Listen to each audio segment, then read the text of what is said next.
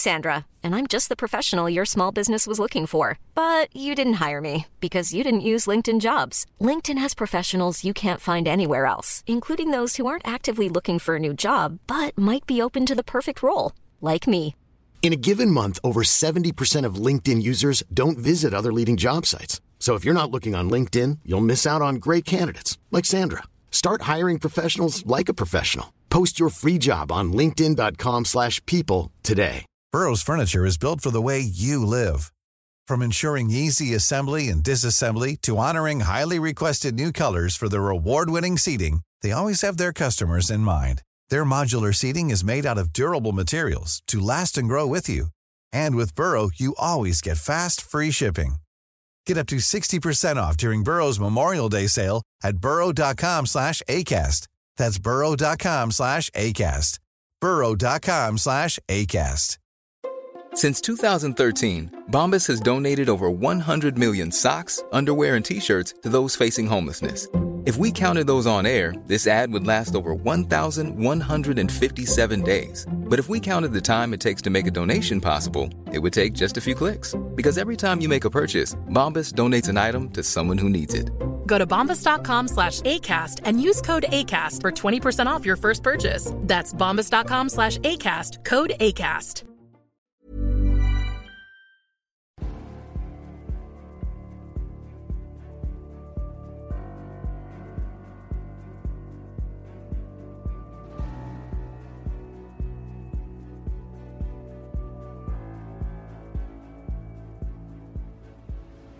Du lyssnar på podcasten Samtal, en podcast med fokus på fria samtal.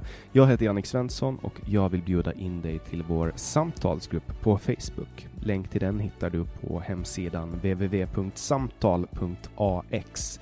Jag blir också superglad om du vill vara med och hjälpa att stödja det här projektet. Det kan du göra på www.patreon.com samtal eller genom att swisha mig på nummer 070-3522 472. Länkar och nummer hittar du på hemsidan www.samtal.ax. Jag släpper nya samtal varje onsdag året runt och tar tacksamt emot tips ifall det finns någon du vill höra i podden. Idén bakom podden är att fokusera på fria samtal. Vi tror att öppenhet är grunden för det demokratiska samtalet och vill uppmuntra dig som lyssnar att exponera dig för samtal med någon du inte håller med om. Jag heter Jannik Svensson och du lyssnar på podcasten Samtal. Jessica Stegrud är ekonom och sitter sedan förra året som ledamot av Europaparlamentet för Sverigedemokraterna. Hon sitter med i utskottet för industrifrågor, forskning och energi samt utskottet för jämställdhet och finansutskottet. Välkommen Jessica! Tack så jättemycket! Är du i Bryssel eller är du i Sverige? Jag är hemma. Vi har, eh, vi har restriktioner nu. Vi ska helst inte vara i Bryssel. De har haft stor smittspridning där. Så att eh, vi har lärt oss att jobba väldigt mycket på distans. Och eh, just den här veckan befinner jag mig hemma. Och det har gjort faktiskt de flesta veckor den här, den här hösten. Och hemma det är på Gotland eller? Nej, det är ju inte det. man, man, man kan luras av min dialekt, men jag är ju uppvuxen på Gotland, men jag bor i Skåne sedan ja, 25 år faktiskt. Nu avslöjar jag min ålder här, men jag bor i Skåne, så att jag bor i Höllviken, två mil sydöst om Malmö. Trivs du bra i Danmark då? Älskar Danmark. och danskarna och det danska kynnet. jag, har, jag, har, jag brukar skoja med en, en eh, klasskompis, jag har ju börjat skola igen. Uh, och det är ganska elakt för folk, de blir ganska arga. Men jag brukar så här, om hon säger någonting på skånska så brukar jag säga så här på engelska. Excuse me, I don't, I don't speak Danish. och då blir hon, då blir hon jättearg. Jag har förstått att det är en infekterad fråga och då vill jag rota lite i den. Men du är uppvuxen på, på Gotland och då är du också en, en öbo precis som jag. Mm. Hur, hur var det att växa upp på Gotland? Hur många människor bor det där? Jag tror det bor närmare 60 000 totalt. Och eh, Visby då, som är den enda större orten, är det väl 28 000 eller något sånt där. Om inte siffrorna har ändrat sig drastiskt sista åren, men det tror jag inte. I runda slängar är det nog så. Men jag är ju uppvuxen verkligen på vischan. Liten, liten ort som heter Slite. Nordöstra Gotland, precis vid kusten. Eh, bestod väl av en cementfabrik, en skola, en liten affärsgata och en härlig strand. Eh, och, eh, mm. Det fanns ju ett, ett rederi som hette Slite som, som då tillsammans med Sally blev Viking Line. Stämmer bra det. Hade huvudkontor där, en liten, liten, ja, ska man säga, såg nästan ut som en liten, ja, en liten fyr nästan, uppe på en liten kulle. Det vet jag väl. Och det var ju familjen Myrsten också va? Jag tror det. Ja, så att det är en legendarisk familj. Sen har vi Håkan Loob också, känd svensk hockeyspelare. som är Ja, och sen har, sen har det ju, kan jag tänka mig också, liksom växt upp i det här myllret av politiker som vallfärdar till Gotland en gång i året på grund av uh, Olof Palmes uh, påhitt med, med något tal där i Visby. Mm. Det som mm. sen har blivit Almedalsveckan. Har det, har det påverkat ditt intresse för politik och så? Att, att Sveriges absolut största happening inom politik sker just på Gotland? Nej, inte så mycket faktiskt. Nu uppskattar jag det nu för tiden, men inte så mycket. Utan äh, snarare att min mamma var, hon var ju politiskt aktiv. Och min pappa var ju väldigt politisk i sig själv, eller hade mycket åsikter. Var aldrig engagerad politiskt, men min mamma var ju engagerad politiskt. Och till saken hör att äh, mina föräldrar skilde sig när jag var liten. Så att jag är ju framförallt uppvuxen med min pappa då på Gotland. Och eh, medan min mamma bodde i Stockholm eh, och för att göra historien ännu krångligare så är jag ju född i Bromma och tillbringade mina första år i ja, olika ställen i Stockholmstrakten. Så jag har ju även Stockholm i mig och sen blev min mamma kvar där tillsammans med mina bröder och jag och min pappa flyttade till Gotland. Då.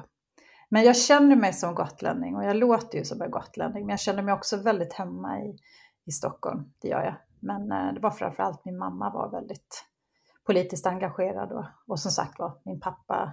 Eh, det är ju hemifrån jag har intresset för samhället och samhällsutveckling och politik i stort. Det är det. Mm. Mm. Och vad hade de för eh, politiska lutningar då, dina föräldrar? Mm. Min mamma var ju socialdemokrat och min pappa var ju moderat. Mm. Så det var en härlig, det var en härlig kombination. Sen kommer jag också ihåg att min släkt. Eh, det är också ganska roligt. På min mammas sida så var det då lite mera, eh, till och med lite adelssläkt och lite finare borgerligt och sådär. Eh, och man avskydde ju Palme. Och sen hade vi då andra sidan av släkten som ju var arbetare, hantverkare och ska inte säga avgudade Palme, men var väl mer för arbetarrörelsen och socialdemokratin och sådär.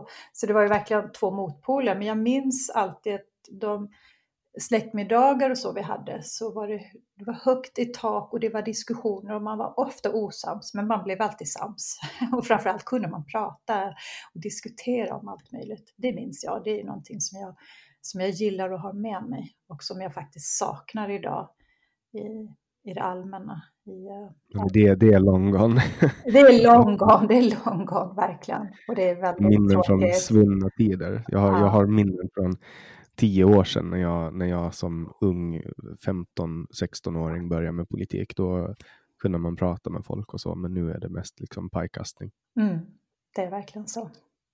Men kanske vi får tillbaka det, vem vet? Alltså, det är ju ganska mycket som är i rörelse nu. Mm, hoppas det. Mm.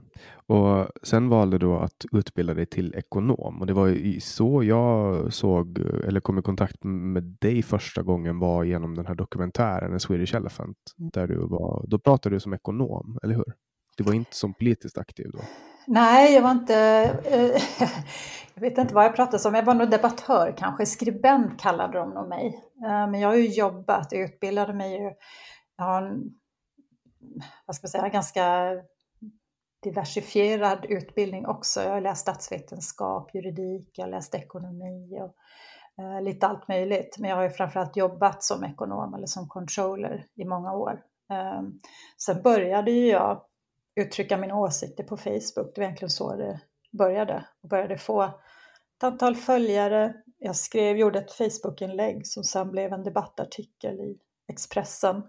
Jag gjorde skrev en sak till på Facebook som sen blev en eh, debattartikel i SVT Opinion och började skriva på, fick frågan om jag ville skriva på lite bloggar, ledarsidorna och i otakt bland annat och sådär. Ehm, och sen blev jag kontaktad av det här filmteamet. Eh, de hade, precis som du nämnde för mig, svårt att få med kvinnor som, ville, eh, som hade åsikter och ville uttrycka, uttrycka dem helt enkelt. Och jag tackade ja. Så jag var ju, var ju liksom helt okänd för den bredare allmänheten då, men de hade upptäckt mig att jag kanske stack ut lite grann i flödet sa vad jag tyckte och hade kanske lite annorlunda bakgrund just att jag var helt, eh, inte var partipolitiskt bunden, jag var ekonom, tvåbarnsmamma, jag var chef.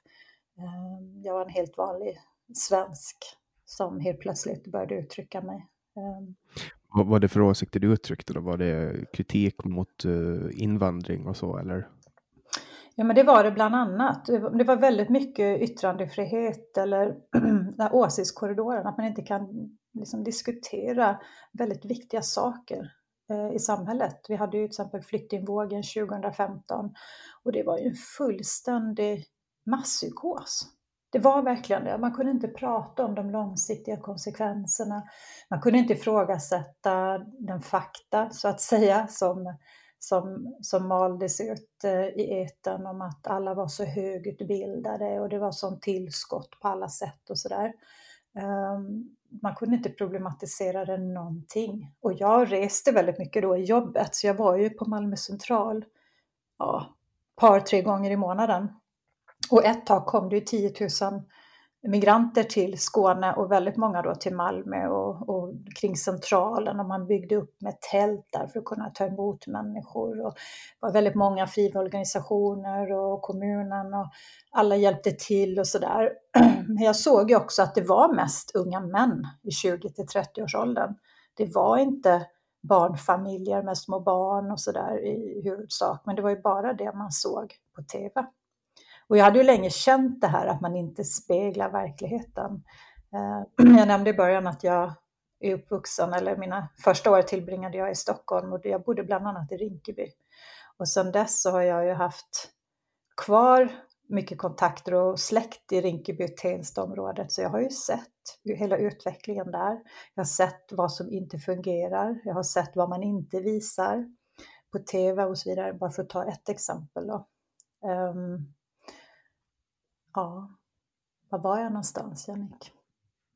Det blev en detour här. Vad var frågan? Ja, nej, vi, jag, jag, frågade, jag frågade om när du, när du började debattera om det var invandringspolitik. Mm, just det, och det var det ju delvis eh, stack jag ut huvudet då. Och det var inget kontroversiellt. Det var överhuvudtaget, det fascinerar mig jag skrev aldrig vi måste stänga gränsen eller vi ska absolut inte hjälpa. Det var inte alls det. Utan jag, det var Stefan Löfven som gjorde det istället. Ja, till slut ja. Jag, jag tyckte ju för sig att vi skulle verkligen ha strama åt och det tyckte jag vi skulle göra långt, långt innan. För mig var det inte någon slags vändpunkt 2015 som för många andra, utan jag hade sett de här problemen långt innan och bara sett hur de ökar, hur vi misslyckas med integrationen, sättet man ser på invandring och invandrare, kulturkrockar och så vidare, sett att det här går inte. Man, man tar sig an det här på helt fel sätt. Man klarar inte av de här enorma åtaganden. Och det bara Vågade du säga det då eller, eller var du liksom rädd för att bli slaktad offentligt om du gjorde det?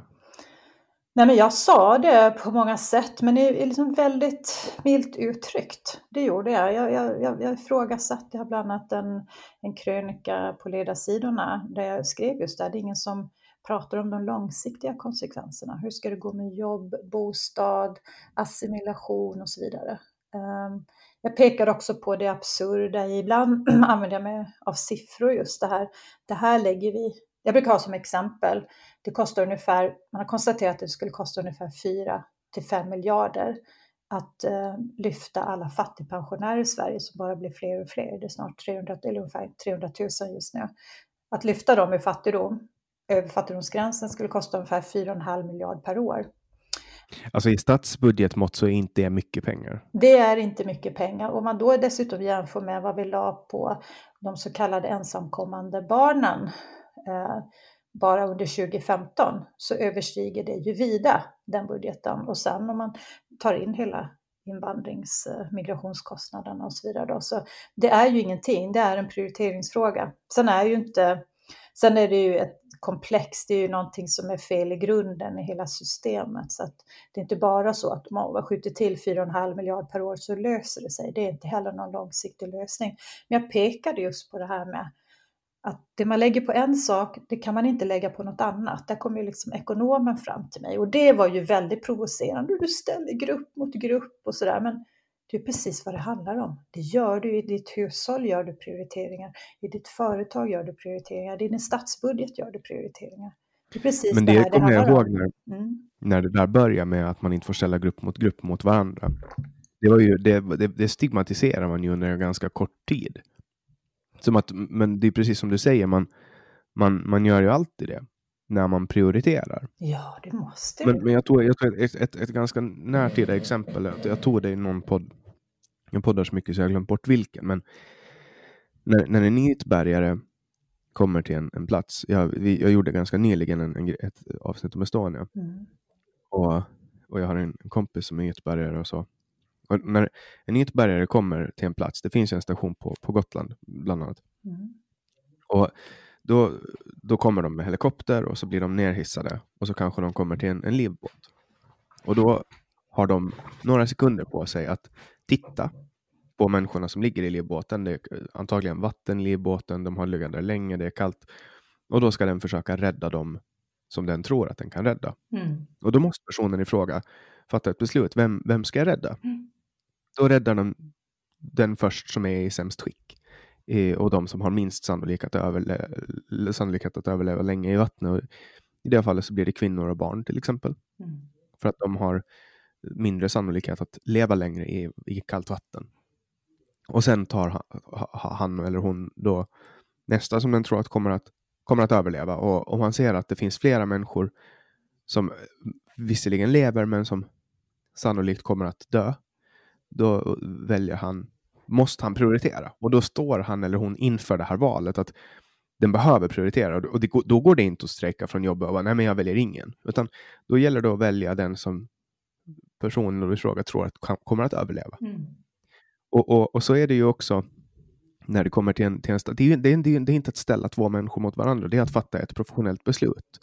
Uppgiften som personen har är att rädda så många människor som möjligt.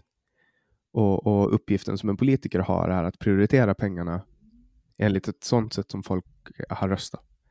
Och, och, och så gjorde man ju kanske inte riktigt ehm, då 2015 när man valde att, att lägga ner så där jättemycket pengar på, på invandring som sen visar sig äh, bli ett större, en större kostnadspost än vad man förväntar sig.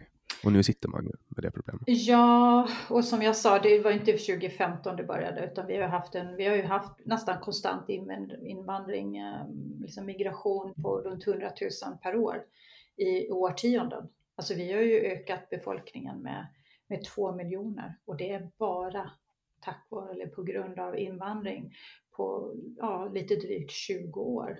Alltså det är en befolkningsökning som saknar helt motstycke i västvärlden. Det är alltså mer än Bangladesh, som man annars brukar ha som ett sådant exempel. Och just att man inte kan prata om det där och också den här bilden som målades upp att om vi inte öppnade dörren här, då skulle alla människor dö i bombräder och annat.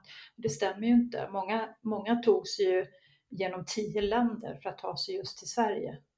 Då måste man ju kunna prata om vad är det som gör att man kommer just till Sverige, vilka incitament, för det är ju det det handlar om.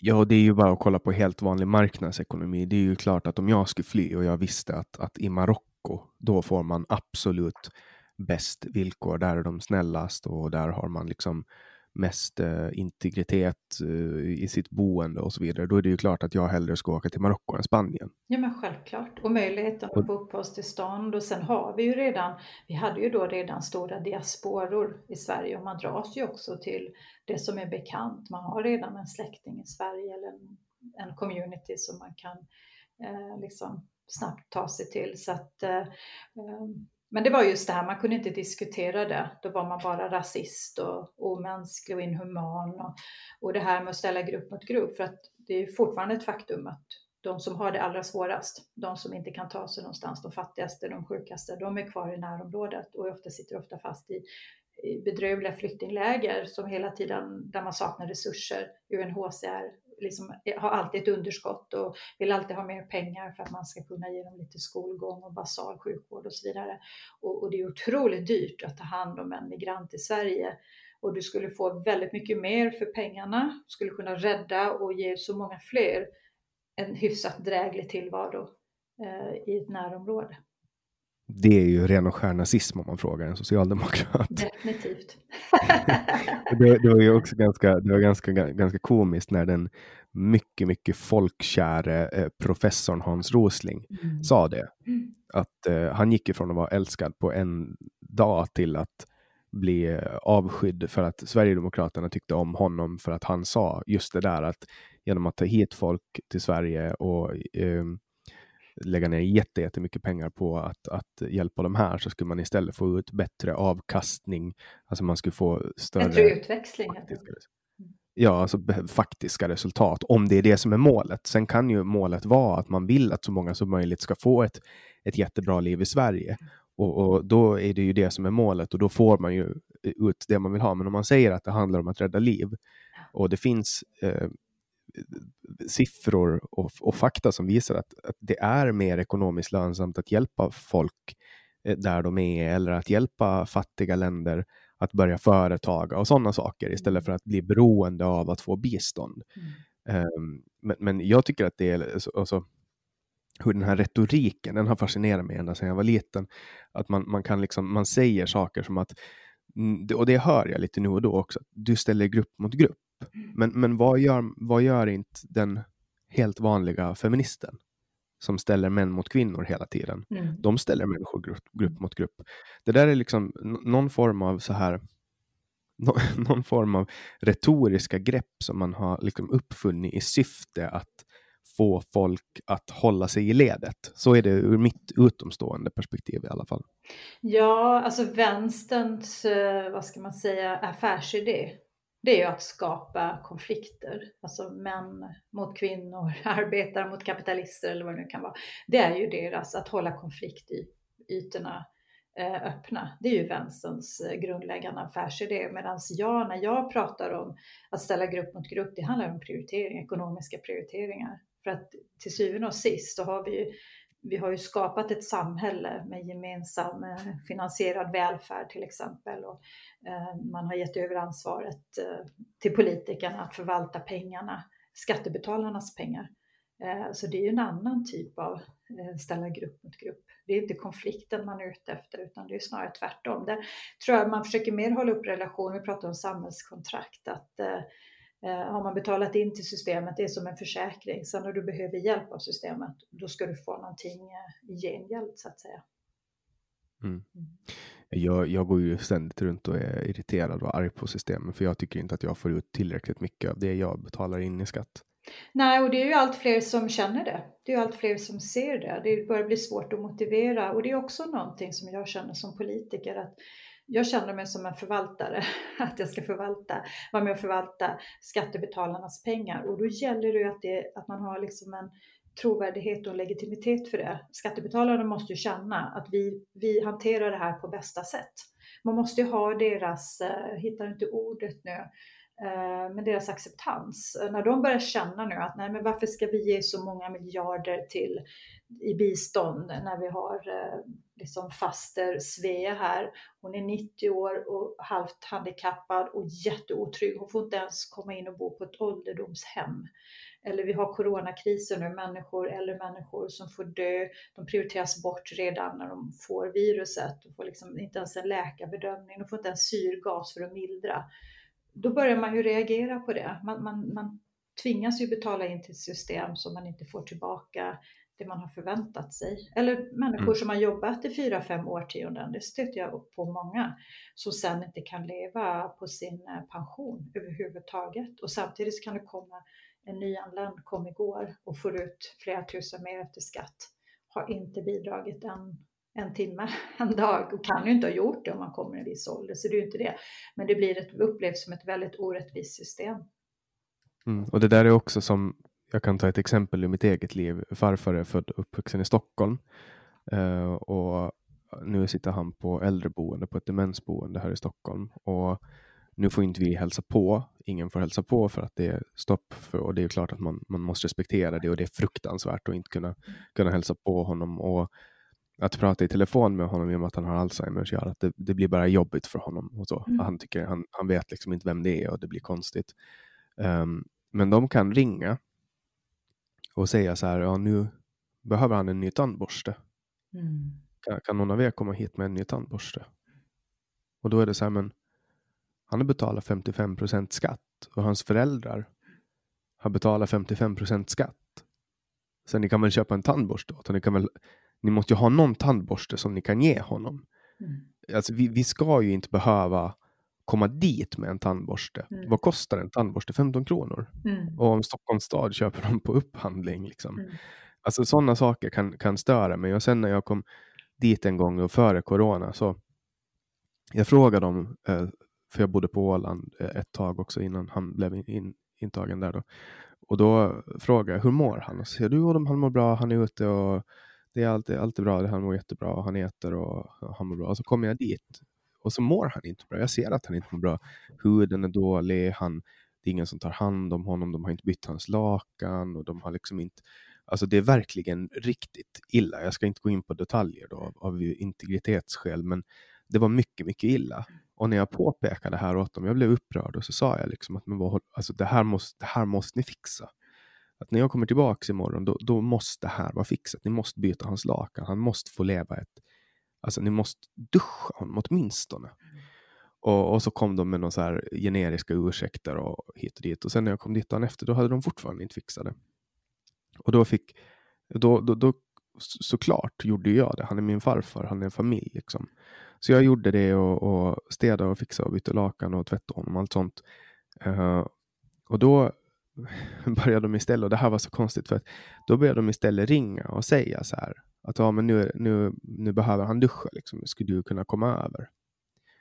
Och det var precis före corona, sen fick jag inte göra det, men, men det, det, det svider ganska hårt i mig att jag ser att de är massa personal på plats, men de har inte tid. De, de kan liksom inte ens hans namn. Uh, och om de säger hans namn så säger de hans, uh, inte hans tilltalsnamn, utan de säger fel namn. Och det blir, det blir också så konstigt att man borde kunna få mer. Han borde kunna få vara på en trygg plats där han är trygg med tanke på vad han har betalat till samhället. Varför tror du att det är så då? Alltså har de personalbrist, är det brist på engagemang eller vad är det som är uh, i det här fallet? Jag vet att det ser olika ut, men vad tror du? Alltså i det här specifika fallet så, så vet, alltså det jag ser när jag kommer dit, det är att de flesta de flesta som jobbar där pratar inte svenska, mm. uh, inte bra svenska. Och, och, um, och det gör ju att kommunikationen mellan anhöriga och, och uh, personalen blir fel. Men sen också, som, tänk, tänk för dig om du skulle vara, du skulle vara liksom nästan 90 år gammal. Du har Alzheimers, du är så dement så att du vet inte ens vad du heter. Och du, det, enda du, det enda du vet om din egen identitet, det är din mamma och din pappa. Och så kommer du in på morgonen och att det står en människa som är för dig helt främmande och, och, och ropar liksom. De ropar när de pratar med de här äldre. Jag har märkt att det är någonting de gör därför att de liksom utgår ifrån att alla har problem med hörseln, så de ropar ganska mycket. Så det, blir, det är liksom inte så här lugn och mysig stämning, utan det är mycket rop där inne. Och så står det någon helt främmande och ropar liksom i dörrhålet på dig. Jag skulle bli jättestressad av det. Och, och, och, för mig så, så tror jag att det har ganska mycket med det att göra. Att, att våra äldre idag vill att man ska sitta ner och man ska prata med dem och man ska hålla en diskussion. Och de kommer ju ändå från en, en tid där man, när farfar var ung till exempel och han mötte en, en äldre herre på stan, då måste han ta av sig hatten och säga god dag eller god eftermiddag. Det var liksom kutym då. Och, och ingenting av det finns kvar nu.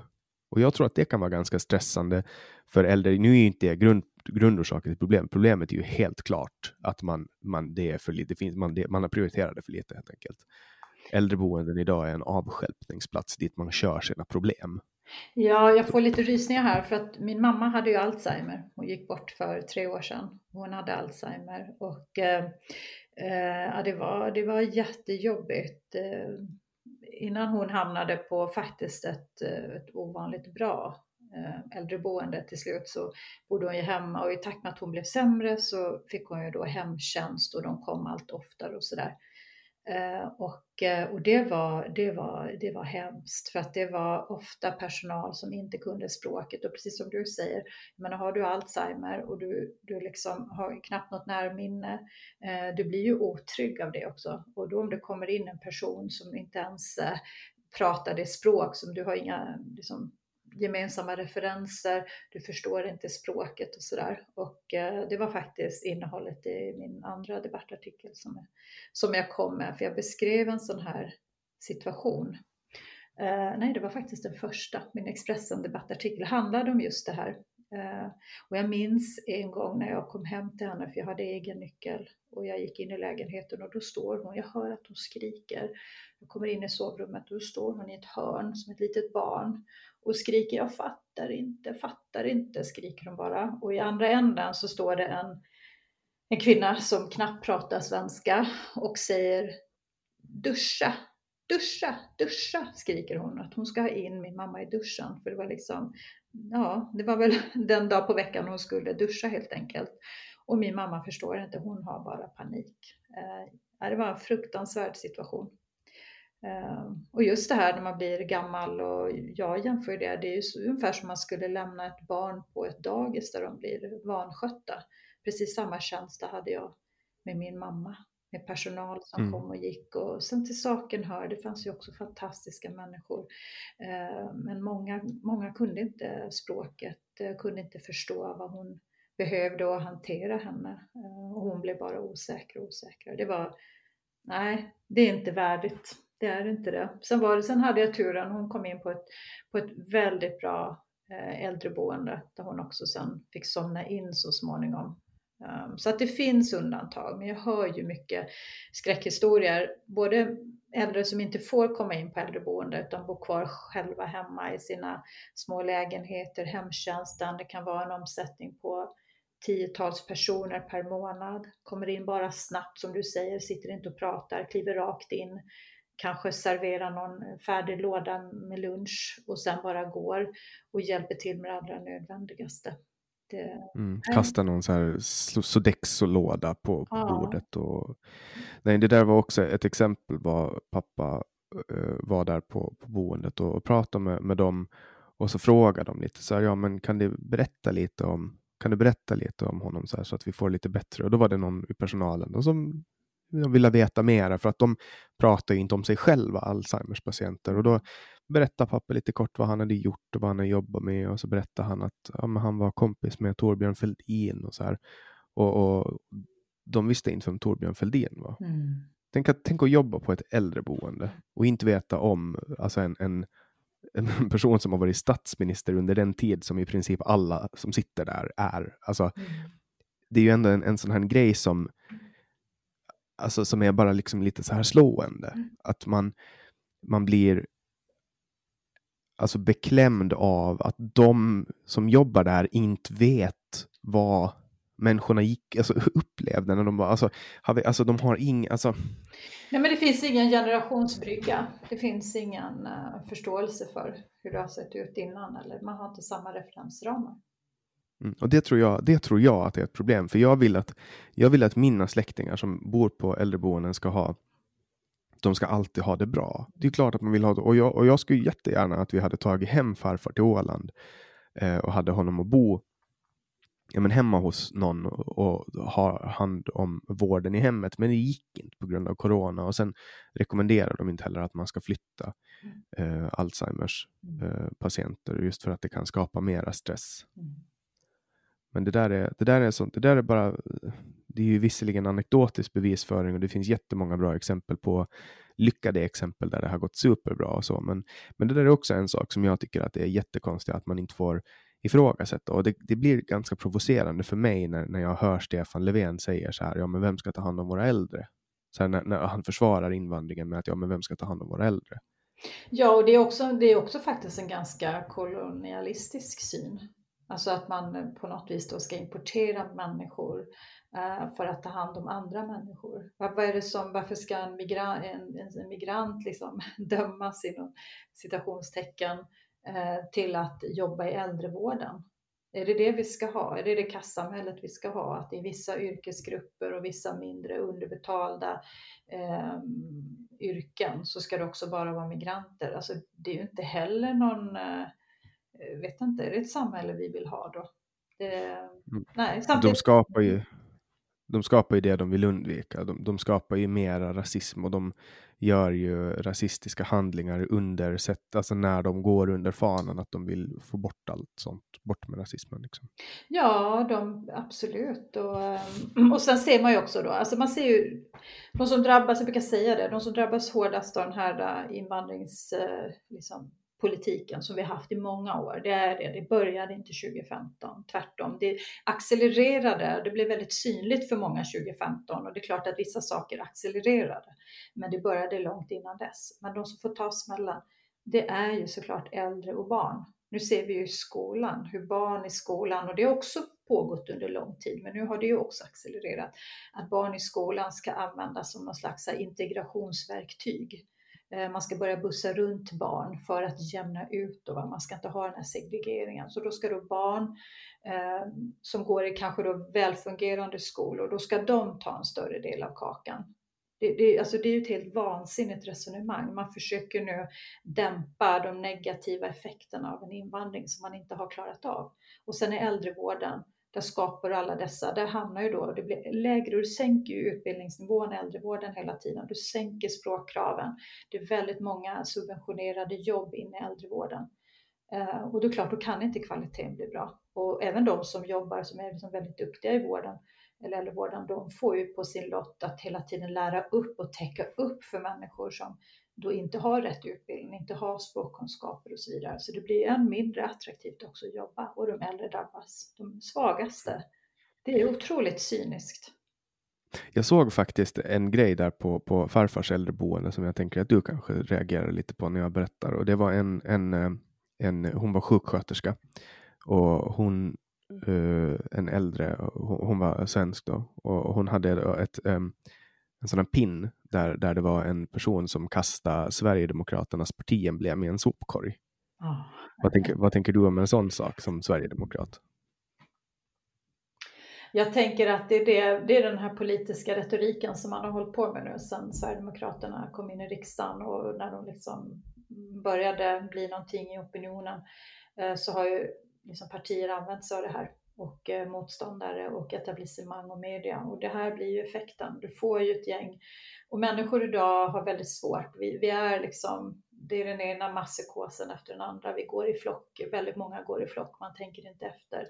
Och man tänker heller inte på jag menar, det har, det har använts som någon slags avskräckande. Man vill inte ha in en ny konkurrent i politiken som pekar på någonting som faktiskt människor tycker är viktigt, utan man valde ju taktiken att bara liksom brunmåla och smutskasta och stigmatisera. Men det finns ju fruktansvärda konsekvenser av det. Man ska inte tro att det stannar på ledarsidor eller vid statsministerns eh, tal i riksdagen eller något sånt där, utan det här sprider sig. Och eh, en sak som skedde innan riksdagsvalet 2018, innan jag hade gått in i politiken, då var jag i Malmö veckan innan valet och då hade de ju, på ett av torgen där så var det en massa valstugor och då gick jag runt där och pratade lite och jag stod bland annat och pratade med Liberalerna eh, och, eh, och sådär. Och sen såg jag plötsligt bort mot SDs valstuga kan man säga, hur de liksom bara, det kom ett stort gäng ungdomar, eller var ganska unga elever visade det sig. De gick väl kanske i sexan eller sådär. Det var som en flugsvärm på en valarbetare som stod där. Och, och det var, jag förstod att det var ganska hetsk stämning så att jag gick bort dit och liksom lyssnade lite sådär, blev nyfiken på vad det var som hände. Och då var det då skolelever som hade kommit dit med sin lärare och de hade till uppgift att gå runt och prata med de olika partierna och sådär. Men när man kom då till SD då, då, då skrek man ut saker som att varför vill ni eh, skicka ut alla invandrare? Varför vill ni, det var till och med någon som, varför vill ni döda invandrare? Varför vill ni? Och så var det massa sådana här fördomar om SD som verkligen inte stämmer. Och jag hörde också på de här barnen att de var födda i Sverige. De var födda och uppvuxna i Rosengård eller någonting, för det hör man liksom på dialekten och språket. Och då tänkte jag, vad gör det med barn? Man växer upp och tror att 20% av befolkningen hatar dem, inte vill något annat än slänga ut dem i landet oavsett om de är födda där eller inte.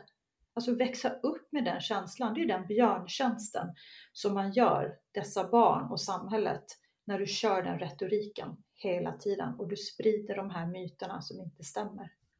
Det är, mm. det är fruktansvärda konsekvenser i, i min värld. Mm, samtidigt så, så, ser man ju att det är ju ganska, alltså, och, och, varje gång det sker en skandal inom Sverigedemokraterna så slås det ju direkt jättestort på, eh, på djungeltrumman och så. Men man, det kommer ju ganska upprepade gånger folk från SD som säger eller gör saker som är liksom inte alls acceptabla när det kommer till just rasism. Och nu var det ju senast någon som hade tagit kokain på någon fest och lite sådana saker. Tror du, alltså ser du att det är liksom ett strukturellt problem som finns inom Sverigedemokraterna? Att man, att man har liksom de här rasistskandalerna hela tiden? Nej, jag, jag vet, alltså det första har jag inte varit med i partiet så, så länge, så jag har ju ingen, jag har inte den jag har inte den här historiken. Det är klart att det har funnits, det är klart att det har funnits ett problem. Det är många, det är liksom många eh, som har uttryckt sig och, och liksom eh, sagt förkastliga saker. Det har ju varit så. Men jag, man måste komma ihåg vad, parti, vad, partiet också, var det kommer ifrån och vad det har blivit idag. Jag menar, titta vad Jimmie Åkesson har gjort med partiet. Man har ju faktiskt liksom gått i en helt annan riktning eh, och man har eh, Alltså det finns en äkta nolltolerans och jag tror att vi har mycket högre tolerans mot sådana här saker än vad andra har. Man kan inte ens skoja. Du skulle inte ens kunna skoja eller lägga ut liksom ett rasistiskt skämt på Facebook, för då åker du dit. Va? Alltså det har ju gått så långt. Sen har ju också den här åsiktskorridoren blivit trängre och trängre. Du får ju inte, jag menar, att kränka någon idag, du får ju inte ha en åsikt om vissa religiösa grupper eller en religion idag. Du får ju inte tänka högt, det är det här problemet. Så länge det inte är Israel-Palestina och du är socialdemokrat såklart. Nej men exakt, va? så att, jag menar, det, det är väldigt svårt också och sen så menar, vi har tusen, jag tror det är ungefär 4 500 förtroendevalda i Sverigedemokraterna. Det är klart att du alltid kan hitta någon som har delat något på Facebook och det kan vara en, en, en intressant artikel som i sig är väldigt adekvat, kanske bara resonerar kring invandring eller någonting. Men det är då fel avsändare för man har ju stämplat då vissa medier men det var inte länge sedan du absolut inte fick dela någonting från Nyheter Idag. Det ansågs ju vara den värsta alternativa nazistmedian. Liksom. Så att det där är ju väldigt, eh, och jag menar, vi har ju, vi har ju då när man pratar, eh, vi har andra partier som är liksom infiltrerade av islamister, vi har pedofilskandaler, vi har eh, förtroendevalda som har mördat sin fru, vi har, alltså du kan ju räkna upp en mängd skandaler i övriga partier. Men det, det är liksom inget brott är högre än att skriva något som kan uppfattas som rasistiskt på Facebook om du är sverigedemokrat. Så det finns ju ingen det finns ju liksom ingen rim och reson ibland. Sen har ju vi... Nej, alltså skatte, sossar som fifflar med skatter, det, det hade ju funnits en del skandaler om också. Och det är lite roligt att ja, men det, det blir ju automatiskt så att man granskar det folk håller mest på med um, alltså inom politiken. Och sossarna har ju alltid haft hög svansföring när det kommer till skatter och då är det ju alltid um, bekvämt att som journalist få knäppa dit eh, Mona Sahlin för någon av sina många, många, många skattefiffel. Mm. Uh, och jag kan tänka mig, men, men det finns ju knappast något parti som är så hårt bevakat som Sverigedemokraterna och då statistiskt sett så måste ju komma fram en högre grad av alla de saker som, som de eh, olika saker som folk gör när de gör bort sig. Alltså desto fler, för flera ögon man har, desto större frekvens av avslöjande måste ju komma. Jag kan tänka mig att det finns ganska många där ute inom andra partier som inte har blivit avslöjade för sina olika misstag och snedsteg. Och ja, men självklart, så får man komma ihåg också, det, det är liksom har varit ett parti med växtverk också. Och, och lägg till då att det är ett väldigt stigmatiserat parti för att eh, etablissemanget har ju gått all in att eh, just brunsmeta och stigmatisera. Det har ju varit liksom det kraftfullaste verktyget. Jag menar, det var ju ungefär det Annie Lööf gick till val på 2018. Att vi var tvungna att hålla de mörka, onda rasisterna borta från makten. Det var hennes enda affärsidé. Då har man gått ganska all in. Det var likadant med Björklund. Eh, och vad skapar det då? Jo, tidigt i ett partis historia, då skapar det ju såklart att det drar till sig människor som ser att utvecklingen går åt fel håll. Det här partiet har identifierat det, jag vill verkligen engagera mig, men jag har kanske inte heller så mycket annat att förlora. Det, det, alltså, så det är klart att en och annan person som kanske inte skulle syssla med politik överhuvudtaget slank nog med i början. Man hade inte så mycket att välja på.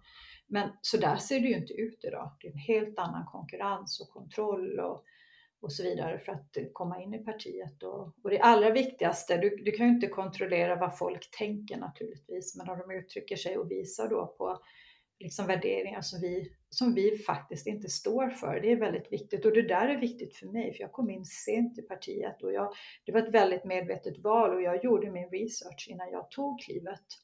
Och visar man då att, att man har en helt annan agenda eller åsikt, men då får du inte vara kvar. Det är så. Sen tar det också tid. Du är också folkvalda kan du inte bara säga upp. Det är inte som att ha en anställd, utan du måste verkligen ha starka skäl och det är en process och så vidare. För det ändå är du, du är ändå vald av dina väljare i första hand. Du är inte tillsatt. Det är inte en tjänst du har fått av ett parti. Liksom. Mm. Mm. Ja, alltså, men, men du kom in eh, i partiet samtidigt som du blev vald till eh, Europaparlamentsledamot. Eh, ja, precis. Jag kom in i samband när man tog fram eh, kandidaterna.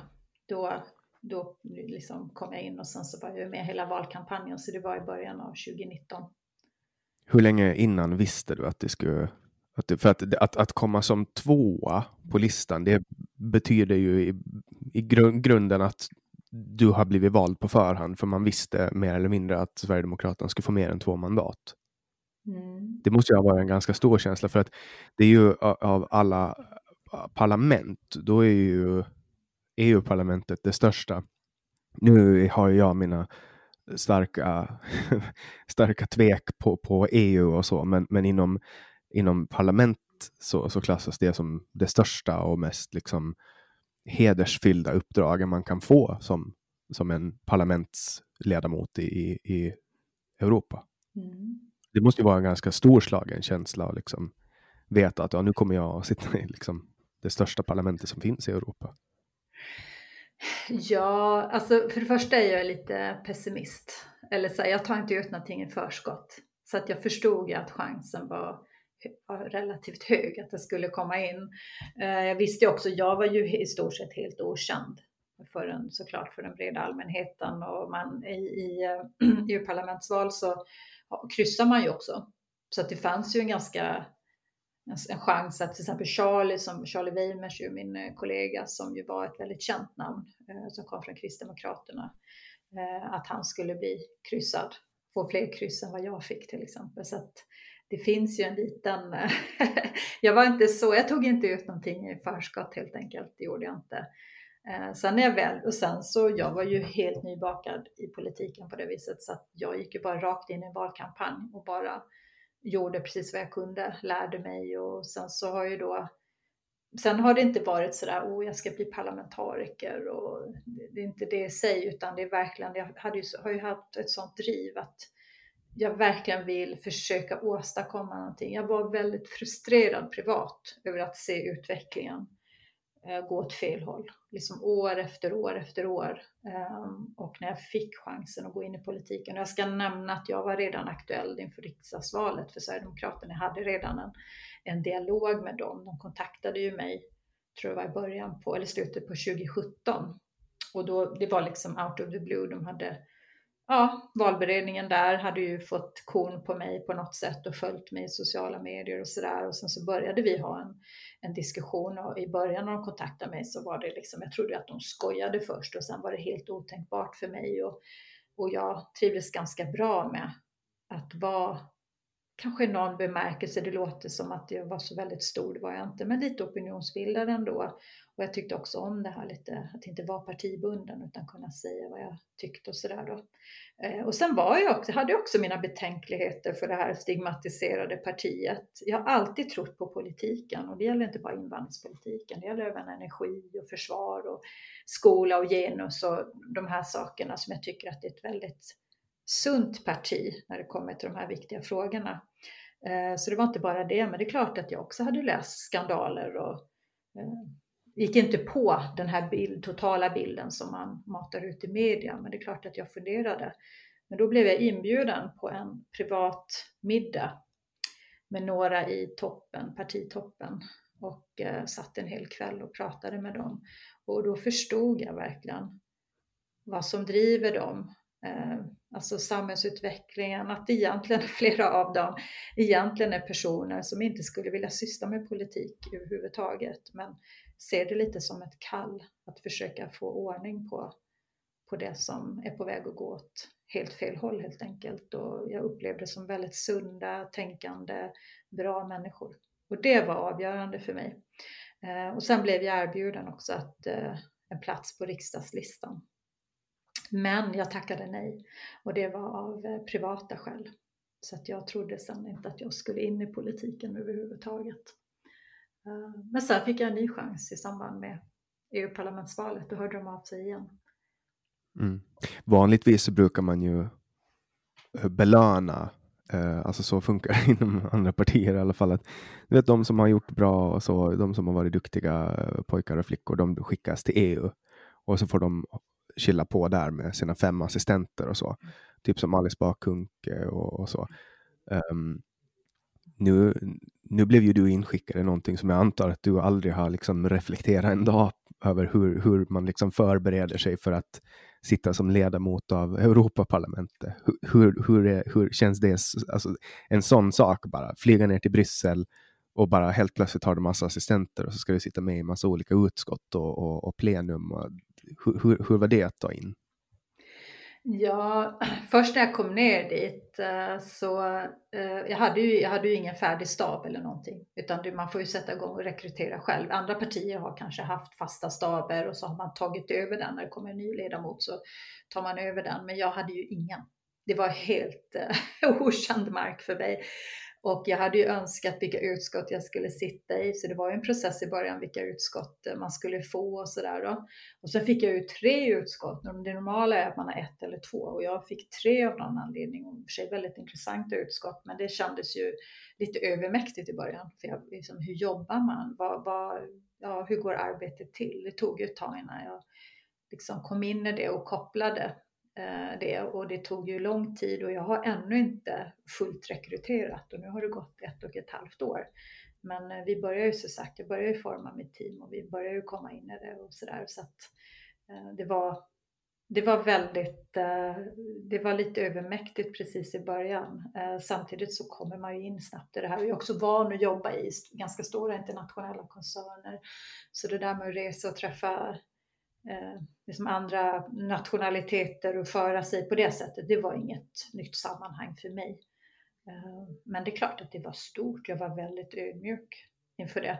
Det var jag. Och eh, väldigt glad att jag hade fått chansen och att jag hade faktiskt tackat ja, för att det var inte det var inte jättegivet. Och, och det du säger också, det här med att man brukar ju belöna folk eh, som har gjort någonting. Ja, det är klart, jag, jag kan i och för sig se också att man är lite kanske i belöning också, men det har väl varit lite av en avskälpningsplats också för vissa partier, i min känsla, när det gäller att skicka någon till EU-parlamentet då. Men eh, jag upplever nog att det har blivit större intresse kring EU och EU-parlamentet och de frågorna på senare tid. Man har börjat förstå lite grann vad EU egentligen innebär och hur det påverkar oss eh, här hemma. Och sen en annan sak, just det här med i ett parti är också normalt att man såklart belönar någon som har varit med länge, kanske kommer från ungdomsförbundet, som har delat ut flygblad, har engagerat sig ideellt och så vidare under många år. Och här kommer jag liksom hoppar över hela den biten och kliver rakt in. Det var ju också kontroversiellt. Det var ju såklart kontroversiellt internt. Eh, men jag tror ju idag att de flesta som ser vad jag gör och som har träffat mig, de tycker att det var rätt val. Eh, Eh, det, det, det, är ju också jag. ett sätt att få in nya förmågor, um, alltså att man, man satsar på, på framtiden. Ja, och jag tycker det var ett modigt val. Jag tycker att det är såklart, inte bara för att det var jag, jag tycker att det är rätt tänkt eh, och alla helst för Sverigedemokraterna överhuvudtaget också. Att ta folk som kanske då har arbetslivserfarenhet och inte bara liksom har drivits upp från ungdomsförbundet till exempel. Då. Så att eh, jag tycker det är en bra, en bra mix och jag Mm. Jag hoppas att de är nöjda, jag tror det. Jag brukar få höra det i alla fall. Mm. Alltså, jag, jag tänker så här, för, för ett år sedan ungefär, lite, lite mer än ett år sedan, så, så blev jag invald som ersättare i Ålands lagting, vårt lilla parlament. Och där är det 30 ledamöter. Och jag kände under den korta tiden som jag ersatte, så kände jag så här, oj, vad lite jag har att säga till om. Jag är en 30 del av det här parlamentet. Du är en 750 del av Europaparlamentet. Mm. Eh, du, du, alltså jag antar att du inte ens har skakat hand med alla ledamöter i parlamentet ännu. Och, och, att du kan träffa folk som du inte vet om att det är dina kollega. Mm. Hur känns det att vara en, en liten del av en, en, så stor lagstiftande församling? Ja, det känns ju ibland hopplöst och ibland inspirerande. Eh, det är också systemet är uppbyggt sådär, just det är därför man har sina partigrupper ju. Du, du, får ju verka och man får ju också verka i sina utskott. Du kan ju inte syssla med allt. Du röstar ju i stort sett om allting och det kan man ju också ifrågasätta varför man ska göra.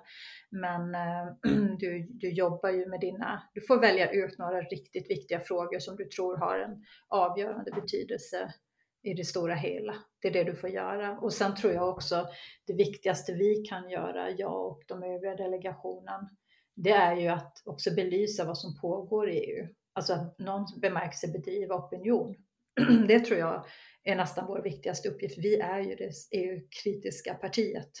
Och då handlar det om att visa varför man är så skeptisk till, till väldigt många saker. Och det är ju det vi gör. Det är det vi ofta återkommer till i våra tal och Ehm, när vi skriver debattartiklar och så vidare. Eh, men eh, ja, det är, eh, nej, man är en liten kugge. Det handlar om att, därför är nätverkande och att du bygger allianser. Ehm, men sen är det också, man får komma ihåg att den största makten ligger hos kommissionen och det är regeringarna som skickar kommissionärer. Så det viktigaste är att ha rätt regering på hemmaplan. Det är också eh, ministrarna som ingår i de olika rådet, eh, konstellationerna. Och där är ju den stora makten. Så att, eh, mm. Och sen, sen, ska vi aldrig glömma bort att det är ändå Tyskland och Frankrike som bestämmer allting. Det är det. I, i, i mångt och mycket är det det. Och, och, i alla fall så länge du bara flyter med strömmen. Vilket ju svenska regeringen gör och har gjort av, eh, av, av tradition. Så att eh, visst är det så. Visst är det så. Det är, jävligt, det är jävligt svårt som ålänning att tucka i sig att Tyskland och Frankrike bestämmer hur vi ska skörda vår jord och hur vi ska ta hand om våra djur. Um, ja. Det, det är förbannat provocerande. Samma när de håller på med fiskekvoter. De bestämmer mm. hela Finlands fiskekvot och, uh, och så kommer någon nere i liksom något, något finskt hav eller Östersjön. De kan välja för hela Östersjön och så kommer det någon ester, uh, någon så här trollingbåtar som bara drar upp allt. Uh, och så har de tömt kvoten för Östersjön och då får inte vi på Åland fiska torsk. Alltså sådana saker. Mm. Alltså den här, den här makrolagstiftningen, den här liksom schablonmässiga målandet med den tyska och franska pennan nere i EU kan få mig så arg så att jag går i taket. Um, Också eh, det här eh, upp, upphovsrättsdirektivet som man helt hubbelöst klubbar igenom. Ett gäng gamla gubbar och tanter som inte vet någonting om hur internet fungerar ska liksom bestämma om internets framtid. Du hör att jag blir lite småirriterad nu. Jag förstår dig. Nej men så är det ju. Och tittar man på Sverige då, hur de nu vill eh, begränsa hur mycket skog vi ska få avverka, vad som ska betraktas som våtmark, att jägarna inte ska få ha blyhagel eller vilka vapen man ska få ha hemma och så vidare. Eh, det handlar ju också om det här så kallade habitatsdirektivet, att eh, man ska frid, alltså vissa saker då, vissa blommor till exempel, vissa växter ska vara fridlysta och då kan det vara en blomma som är väldigt sällsynt i Italien då som då kanske har, man kanske har skäl att liksom, den får vara fridlyst då. Men samma blomma i Sverige kan ju vara ett ogräs, fullständigt ogräs, men då blir det fridlyst i Sverige också. Så att det går inte, du kan inte applicera. Du, du, Sverige är väldigt annorlunda just med all skog. Det gäller ju Finland också, om du tar all skog och hur, liksom, hur vår natur ser ut här. Du kan inte jämföra det med ett land som Belgien till exempel.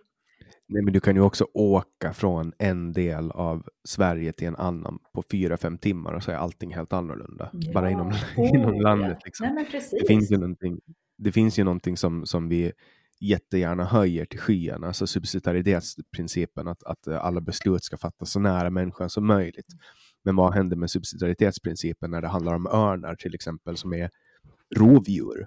Ja, eller vargar. Och, och, ja, eller vargar eller selar. Alltså man får ju, det är ju, alltså om, om du våldtar ett barn eller skjuter en örn, då är det nästan mindre straff på att våldta barnet. Eh, nu, nu, nu raljerar jag lite, men, men alltså örnar förstör ju jättemycket i beståndet.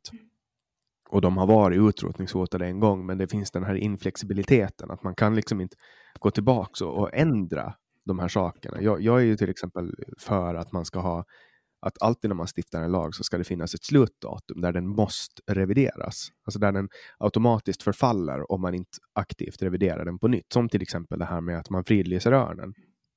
Och, och, och brottet för att skjuta en örn är liksom att de spikar upp ens huvud på pålen. Liksom. Och, och då kollar man så här, okej okay, men nu har vi den här i 15-20 år och sen Sen reviderar vi och kollar hur det har gått. Så kollar vi att vad hade hänt nu? Hade blivit en, hade liksom repat sig? Men nu istället så bara håller man på um, med massa, massa, alltså bara för att den är utrotad ner i andra delar, för det finns lågt örnbestånd i andra delar av, av Europa. Och det där är sånt som vi på Åland kan inte förändra det. Vi har inte ens en egen EU-parlamentariker på Åland. Av, av 705 ledamöter så är inte en enda av dem ålänningar och då är vi ändå en autonom region som, som ska styra själva. Och då säger, då säger de bara, nej men ni får ta en av Finland om ni vill. Så här, Mm. det, du hör, som ålänning så Nej, finns det men, alltså, det, nej, men det, det, är ju, det är en viktig poäng det här och, och därför tycker jag det är fascinerande till exempel med ett parti som Liberalerna. Liberalerna tänker man sig att det borde stå för individens frihet och inflytande och liksom kunna påverka sitt eget liv eller någonting. Men de finns ju inget parti som vill flytta så mycket makt till EU. Det finns inget parti. De gick till och med till val på det. Mer EU hade de ju som slogan.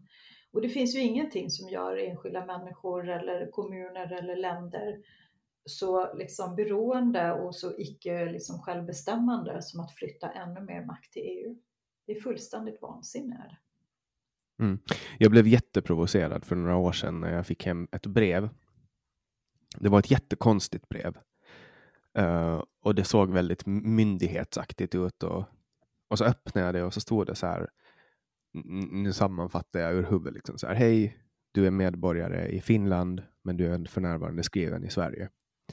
Här är uppgifter om din ekonomi som vi har. Och så stod det all info om mitt lån som jag har i Finland. Och så stod det min årsinkomst från de senaste åren i Finland. Och sen stod det min årsinkomst i Sverige. Och det var bara så här. Tja, vi har koll på dig. Hej då! Och det är så här.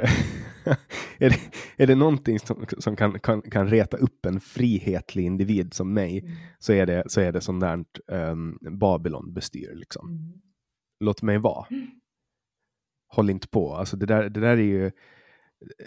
Alltså, ja, det, det kändes bara så hotfullt det där brevet. Det var så här, tänk inte ens på att utnyttja att du bor i ett annat land för att försöka flytta pengar mellan länderna. Så här, ingen ska komma undan.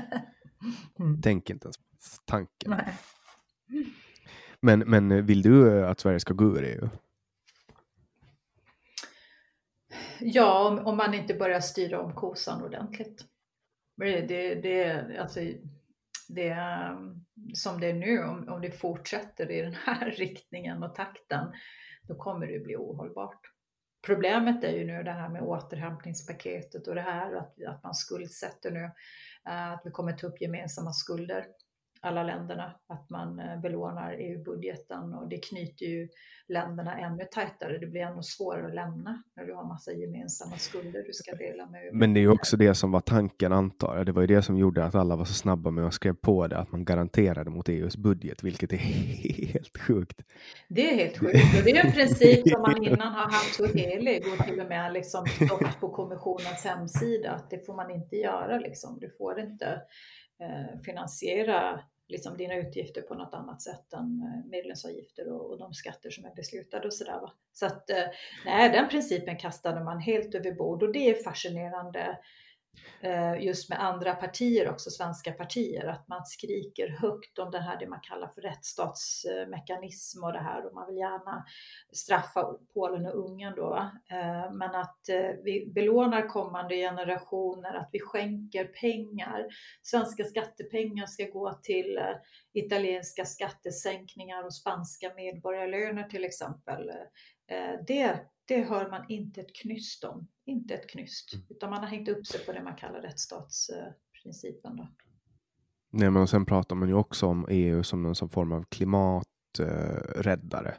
att EU ska kunna gå in och, och rädda klimatet, eh, vilket också är lite provocerande med tanke på hur liten del av utsläppen av koldioxid som sker i EU. Det var 9 procent eller något sånt 9%, kontra ja.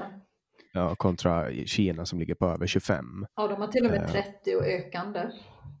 Ja, så att det, och det, det, är också så provocerande när man ser liksom att det är helt uppenbart att koldioxid nedsläpp, alltså utsläppen måste liksom, man fokuserar ju på det hål som läcker mest om man sitter i en skuta som sjunker. Alltså man, man börjar ju täppa till de stora hålen där det kanske är lite lättare. Um, istället för att börja, alltså EU e allmänhet är ju jättebra jämfört med USA och Kina. Ja, men, och faktum är att även USA sänker ju. Så att liksom de rika demokratierna, de, de går sakta åt rätt håll om man nu vill minska liksom fossilberoendet. Så att det är inte, det är inte USA problemet ligger heller. De har minskat med flera procentenheter under till och med Donald Trumps tid. Alla som är så kritiska mot honom och tror att Joe Biden ska sänka dramatiskt, vilket det kommer bli väldigt svårt för honom att göra. Eh, nej, jag brukar säga just Green Deal och hela den här klimatgrejen, det är ju en affärsidé. Det, det är en affärsidé som Eh, man kan passa på att man har den här affärsidén och mycket skrämselpropaganda så kan man passa på att flytta, flytta ännu mer makt till EU. Eh, och sen så kan du också styra alla resurser som du liksom kammar in på ett eller annat sätt så styr du dem i en viss riktning. För det finns ju ingen riktig logik och tittar man på, jag sitter ju då i det här industriutskottet så jag tittar ju mycket på vilka åtgärder man föreslår till exempel och du föreslår ju att du ska lägga, det föreslås att man ska lägga många miljarder på åtgärder som man redan på förhand har konstaterat inte kommer ha någon effekt på klimatet. Alltså hör, man ska alltså lägga tusentals miljarder på åtgärder som inte kommer ha någon effekt på klimatet. I min värld är det helt fel investerade pengar. Ja, men också så här att folk säger eh, att signalpolitik är också politik. Alltså vi visar, vi låter människor som vill handla med plastkassar får lida så att de ska bli medvetna om, om det här problemet, att vi har ett problem med klimatet. Jag, jag är orolig för klimatet och jag tycker att det är fruktansvärt att vi inte tar mera ansvar för vad vi gör när vi tar upp koldioxid. Då måste vi också binda tillbaks den. Vi måste se till att den binds tillbaks för att det är, det är inte rimligt att släppa ut så mycket koldioxid som vi gör. Den ska vara nere i jorden. Den ska inte vara ute i vår atmosfär. Men, men att subventionera elcyklar så att rika miljöpartister ska kunna köra sina eh, barn i någon korg till, till ett vegandagis. Eh, alltså, nej. Nej, och, och, och sen är det så här, om, om politikerna verkligen vore, om miljöpartister verkligen vore oroliga, då ska man ju undra varför de vill fasa ut kärnkraften då, som bara släpper ut en tredjedel så mycket koldioxid som vindkraften. Då kan vi fråga dem. Varför? Om, om det nu är så, om det är så. Jag är ju liksom till och med i valrörelsen då Per Holmgren, deras eh, parlamentariker, han stod i valrörelsen och sa vi har fem år på oss och det var ju väldigt passande för en mandatperiod i parlamentet det är ju fem år. Vi har fem år på oss att, att fatta de rätta besluten, annars så har vi ingen planet kvar. Och nu har det ju gått ett och ett halvt år så man skulle vilja veta var, var, var, var vi står nu då. Eh. Alltså vi har en, han har ju rätt i en del. Alltså början på den här mandatperioden har varit en global pandemi för att någon, någon kines åt en fladdermus i Wuhan. Eh, vad är nästa liksom? Ja, men det visste ju inte han och det har ju inte med klimatet att göra. ja, du menar så, och jorden blir under på grund av det. Ja, mänskligheten möjligen. Nej, men ja, då är det ju kanske antibiotikaresistensen han ska vara mer orolig för. Den kommer ju utrota mänskligheten före, kan jag säga, före eventuella klimatförändringar. Eh, men jag vill bara tillbaka till min poäng där. Om man står och säger att det är så akut och så viktigt, då ska man inte satsa på, Miljöpartiet vill satsa på järnväg. Det tar årtionden att bygga ut ett järnvägsnät. Eh, och man har världens mest inkompetenta järnvägsbolag i Sverige. Ja, men det är också va. Och plus då att man, man straffar ut kärnkraften då eh, till förmån för vindkraft då, som då är mycket sämre ur koldioxidsynpunkt. Och då menar jag, då är man ju inte seriös. Och likadant det du nämnde, det här med plastpåseskatt som inte har någon som helst betydelse på klimat eller miljö eller någonstans. För det är inte i Sverige plastpåsar är ett problem. Du hittar inte plastpåsar i naturen, på stränder och i vatten som kommer från Sverige. Det är inte där, det är i Asien. Du har liksom... Ja, alltså inte den utsträckning som du gör i Bangladesh och Asien. Mm. Du, hittar, du kan ju hitta en plastpåse Om du letar ordentligt, men i stort sett så går det inte. Alltså, men det är inte, vi har inte ett problem av, av fiskar som har gelarna fulla med mikroplaster uh, på grund av ICA-påsar som folk har liksom kastat.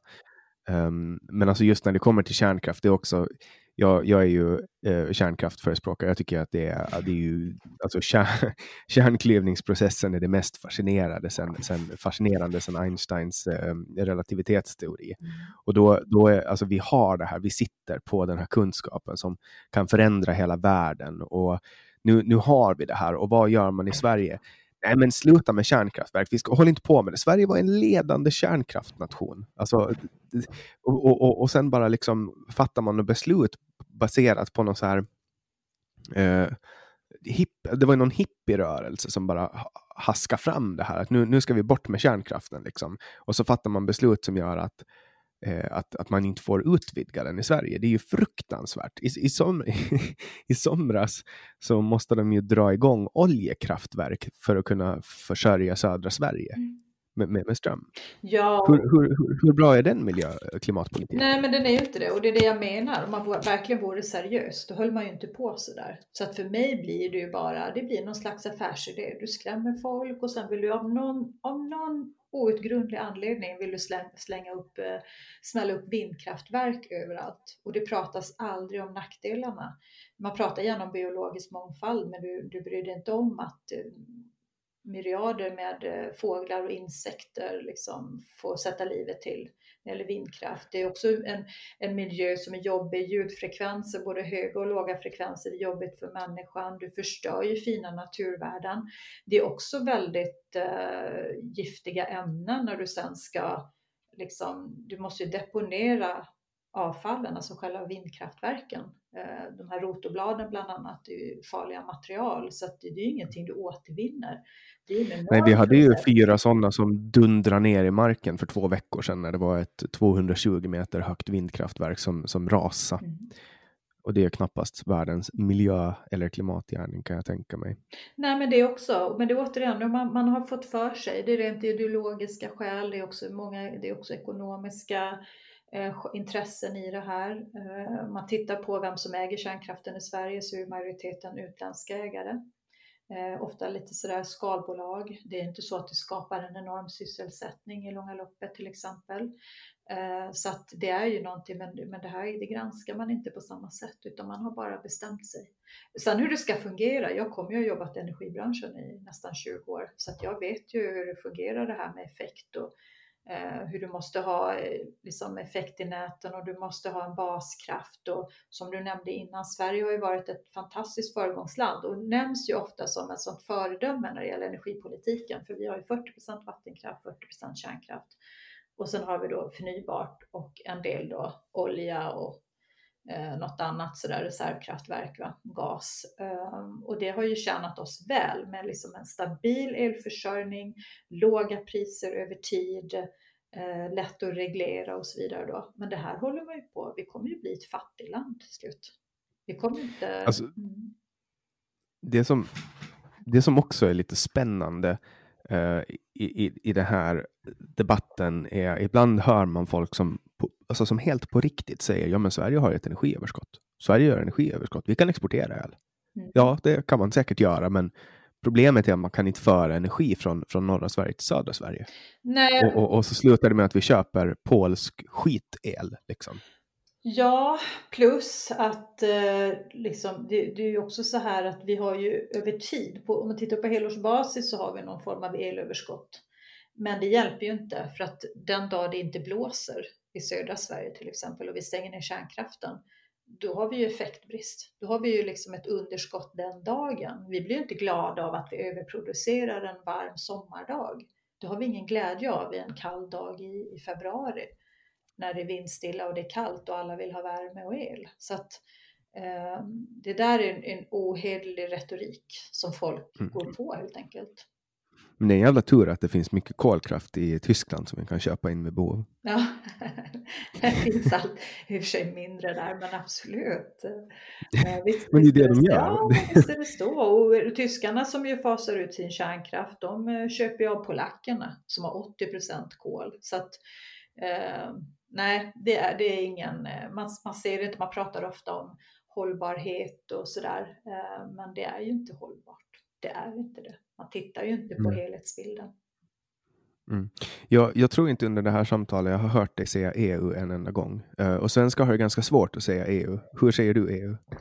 EU säger jag på gotländska. EU. EU. Och, och, hur säger du euro? Alltså valuta? Jag är ju så gammal så jag säger ju euro. Mina barn säger, säga? mamma det heter euro. Nej, euro i min värld. Nej, jag, jag kommer ihåg när det kom ju. Då diskuterades det ju länge om man skulle säga euro eller euro. Det var en sån diskussion i den offentliga debatten. Men ni hade aldrig liksom en diskussion om ni kanske skulle kalla det som det faktiskt heter, det vill säga euro? Nej, men det blev en försvenskad variant. Euro, jo, euro var ju liksom Uh, euro. Vad, vad, vad sa du att du kallade det? Euro? Nej, euro. Euro. Euro. Nej, det är det. det är Åland. Euro. euro. Men jag har märkt att svenskar eh, har svårt att säga E och U, alltså E direkt. Alltså euro, Europa. De säger Europa eller Europa. Europa, Europa. Ja, man hoppar över U där. Europa säger man ju. Man säger inte Europa så tydligt. Nej, det stämmer. Europa har jag aldrig hört, men Europa, det är väl kanske inte så. Euro, Europa, ja. Det är sant. Jag har hört många, många som har sagt Europa. Det blir så här. Ja, det har jag aldrig hört. det var intressant. Eller aldrig tänkt på i alla fall. Men Finland och Sverige är de enda som pratar svenska. Så att, eh, och finnarna, men jag, jag tycker ändå att finnarna har, säger det rätt. Euro. Euro. ja. E, euro. euro. 15 euro hålls efter. hålls efter. Eh, men vad, vad, du sa att du har jobbat inom, inom eh, business tidigare, som business controller. Vad, vad eh, var det inom energibranschen just? Mm, det var det. Ja, jag har jobbat inom IT-bransch och byggbransch och även i ehm, jag måste säga, bygg, IT och förpackningar också. Stora koncerner, förutom IT-bolaget var ett litet upp, ja, upp, en liten uppstickare där precis uh, 2000-talet. Jättebubblan. Ja, jag var med i IT-bubblans uppgång och fall där. Eh, men sen har jag jobbat i energibranschen. Så jag har jobbat, jobbat och bland annat med stora energiinvesteringar och jag har jobbat både med kärnkraft, vattenkraft, eh, vindkraft och värmekraft. Så jag har jobbat med alla energislagen. Så jag har suttit och hållit på med de här kalkylerna och vet ungefär vad det kostar och vad det innebär. Att, eh, då, då, måste ju sticka lite i ögat när du sitter i utskottet för industrifrågor, forskning och energi och ser att de vill lägga jättemycket pengar på saker som kanske inte alltid ger superbra avkastning. Ja, sen är ju det, eh, det är ett ganska sunt utskott jämfört med eh, andra, till exempel miljöutskottet och sådär. Man har ju lite större liksom, verklighetsförankring i IT-utskottet än i, i kanske många andra utskott, men absolut. Och jag blir ju en sak Bland annat så har vi då den kommissionär som är ansvarig som heter Kadri Simpson för de här typen av frågor, energifrågor just. Eh, för man marknadsförde ju i början då som att den här omställningen då, att vi ska reducera utsläppen fram till 2030 med 60 procent har man höjt det nu. Och sen ska vi vara helt eh, koldioxidneutrala år 2050 då. Och de har sålt in det här som att det ska vara billigt, det ska vara leveranssäkert, det ska vara tryggt och vad det nu man har, och det ska vara förnybart. Och jag då som har suttit med de här investeringskalkylerna, jag, jag säger det här är liksom en, det är en helt omöjlig ekvation. Det går inte att få ihop det. Det är bara så. Du kan inte trolla. liksom, ska du ha vind precis överallt så får det en massa konsekvenser. Du får inte säkra leveranser eh, I slutändan blir det inte billigare. Eh, de säger också att de ska skapa en massa nya jobb. Det kommer man inte göra för att industrin kommer behöva flytta någon annanstans. Ehm, och det, det är någonting som stör mig i politiken och det som jag har liksom lite grann i ryggmärgen, att det måste finnas en logik, det måste hänga ihop. Men jag förstår ju att, och det är därför jag också pratar om affärsidéer, de är inte särskilt noga med att det ska vara, man ska kunna leverera i slutändan, utan man säljer ju in en affärsidé, man vill ha folk med sig, du vill ha röster, du vill klara dig mandatperioden ut och sen så har du en ny affärsidé kanske som du ska då lansera i nästa val för att komma vidare. Man vill inte lösa problem helt enkelt. Upplever det finns jag. ju folk som mm. Folk brukar ju säga så här, ja men polit, politik handlar om att vilja. då, då har man aldrig sysslat med politik.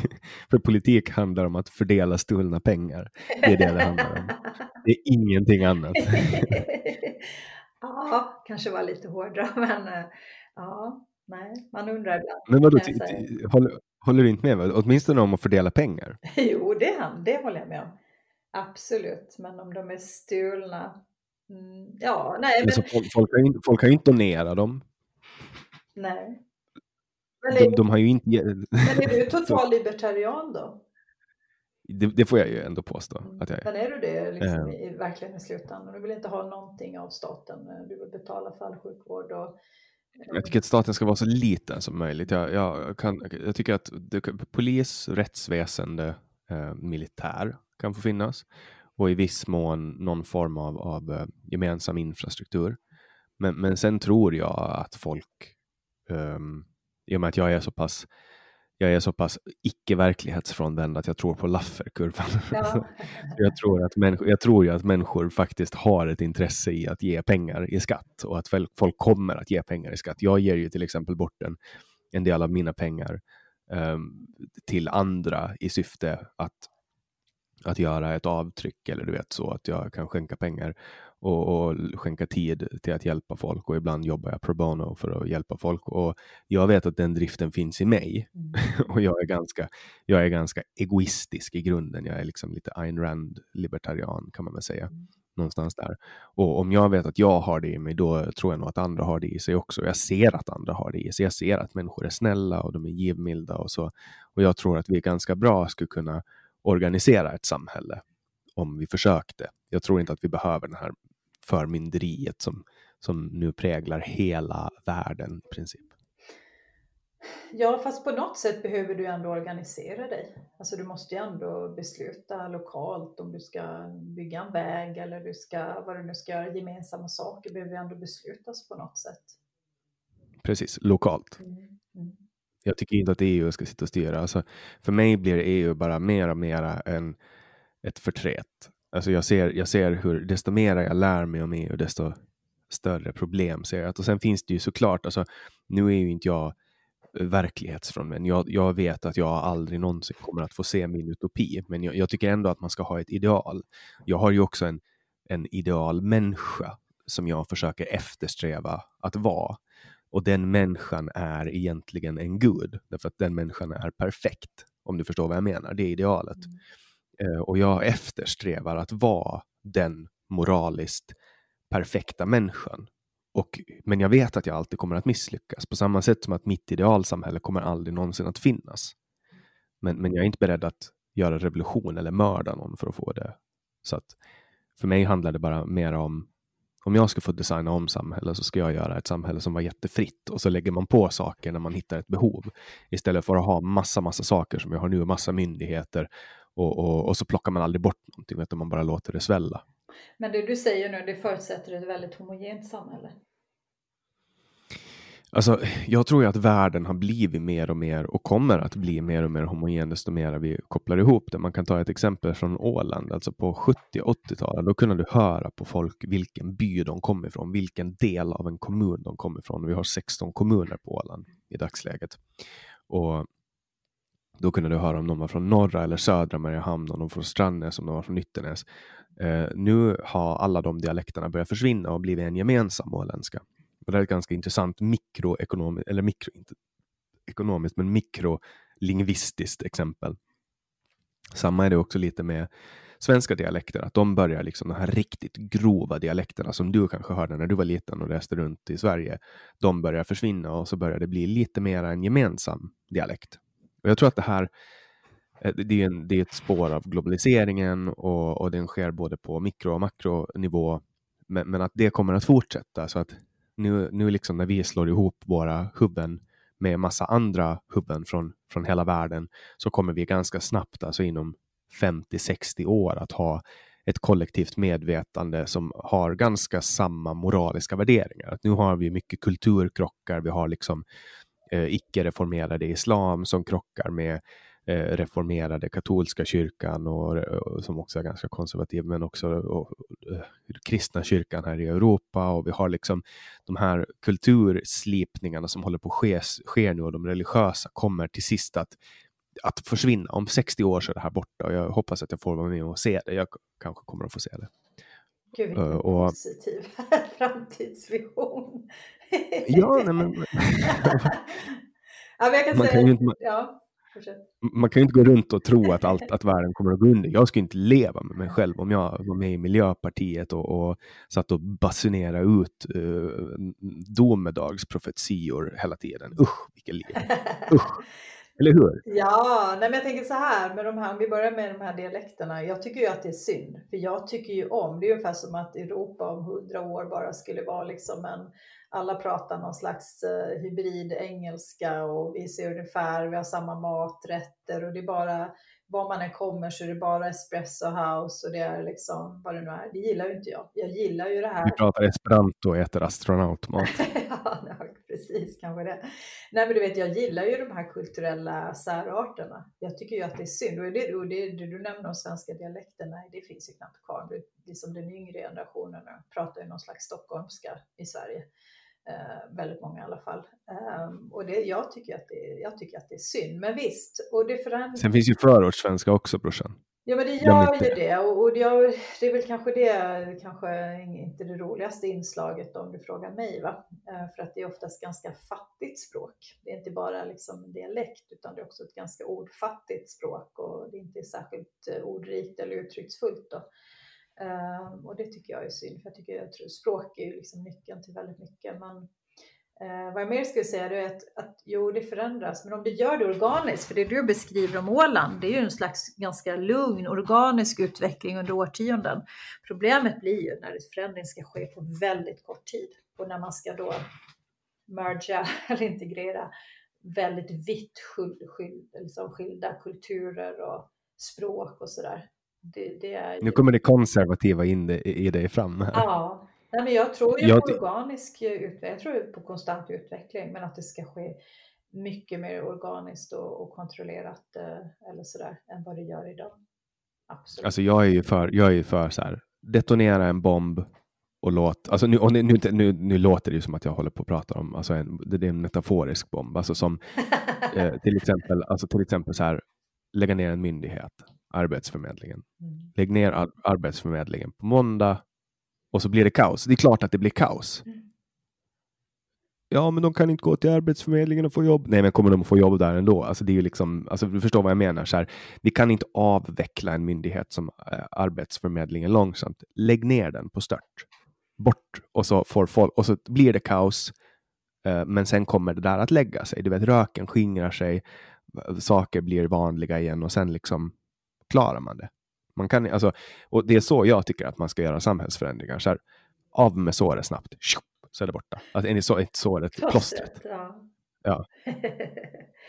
Så där, där, där, där skiljer våra politiska ideologier jättemycket. Så här. Jag, tycker inte Nej, men jag tror att man kan komma till en punkt där en sån drastisk åtgärd kan behövas. Men jag, jag, tror inte på att man gör det på alla områden och konstant. Det tror jag inte. Men, eh, men visst, en sak som att lägga ner Arbetsförmedlingen, absolut. Eh, det, jag har aldrig trott att Arbetsförmedlingen hjälper, men jag, samtidigt tror jag att man får ha då någonting annat. För att om Arbetsförmedlingen idag i stort sett går ut på att ge människor bidrag, kanske vissa kan få en viss, eh, alltså kan också slussas in i viss utbildning och sådär.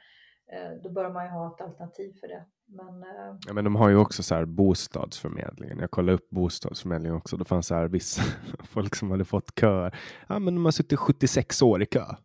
Ja. Är man en bostadsförmedling om man, sitter, om man får sitta i kö i 76 år? Alltså vad är det, vad är det liksom ett, ett, ett rum på slottet som, som man, man, man förmedlar? Vad, vad, är liksom. Vad är produkten? Det är samma med Arbetsförmedlingen. Enda anledningen att företag vänder sig till Arbetsförmedlingen är för att de får gratis annonser där. Men, men jag jobbar lite med ja, eller de får subventionerad arbetskraft. Ja, det också. Jag jobbar lite med rekrytering och då var det så här. La man ut en annons på Arbetsförmedlingen så läste man inte ens ansökningarna som kom därifrån. För de ville inte, alltså de som sökte på de där annonserna gjorde det bara för att få in det liksom i siffrorna. Är det, det, det är sånt där också. Staten ska inte hålla på med arbetsförmedling. Det är så här, kanske när det inte fanns liksom någon form av sofistikerade verktyg eh, att liksom koppla ihop folk. Det är samma med studievägledning i skolor.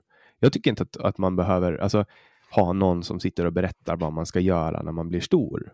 Det är, så här, är man intresserad av att bli slaktare till exempel, då kan man ju mejla en slaktare och skriva så här, hej, jag studerar, jag är 17 år, och jag ska välja mitt framtida yrke och jag tänkte bara, skulle du kunna svara på några frågor och berätta lite om ditt jobb som slaktare? Jag skulle tycka det var jätteintressant. Och jag kan garantera att man nästan alltid får svar om man, om man har ett ärligt uppsåt när man skickar ett sånt mejl.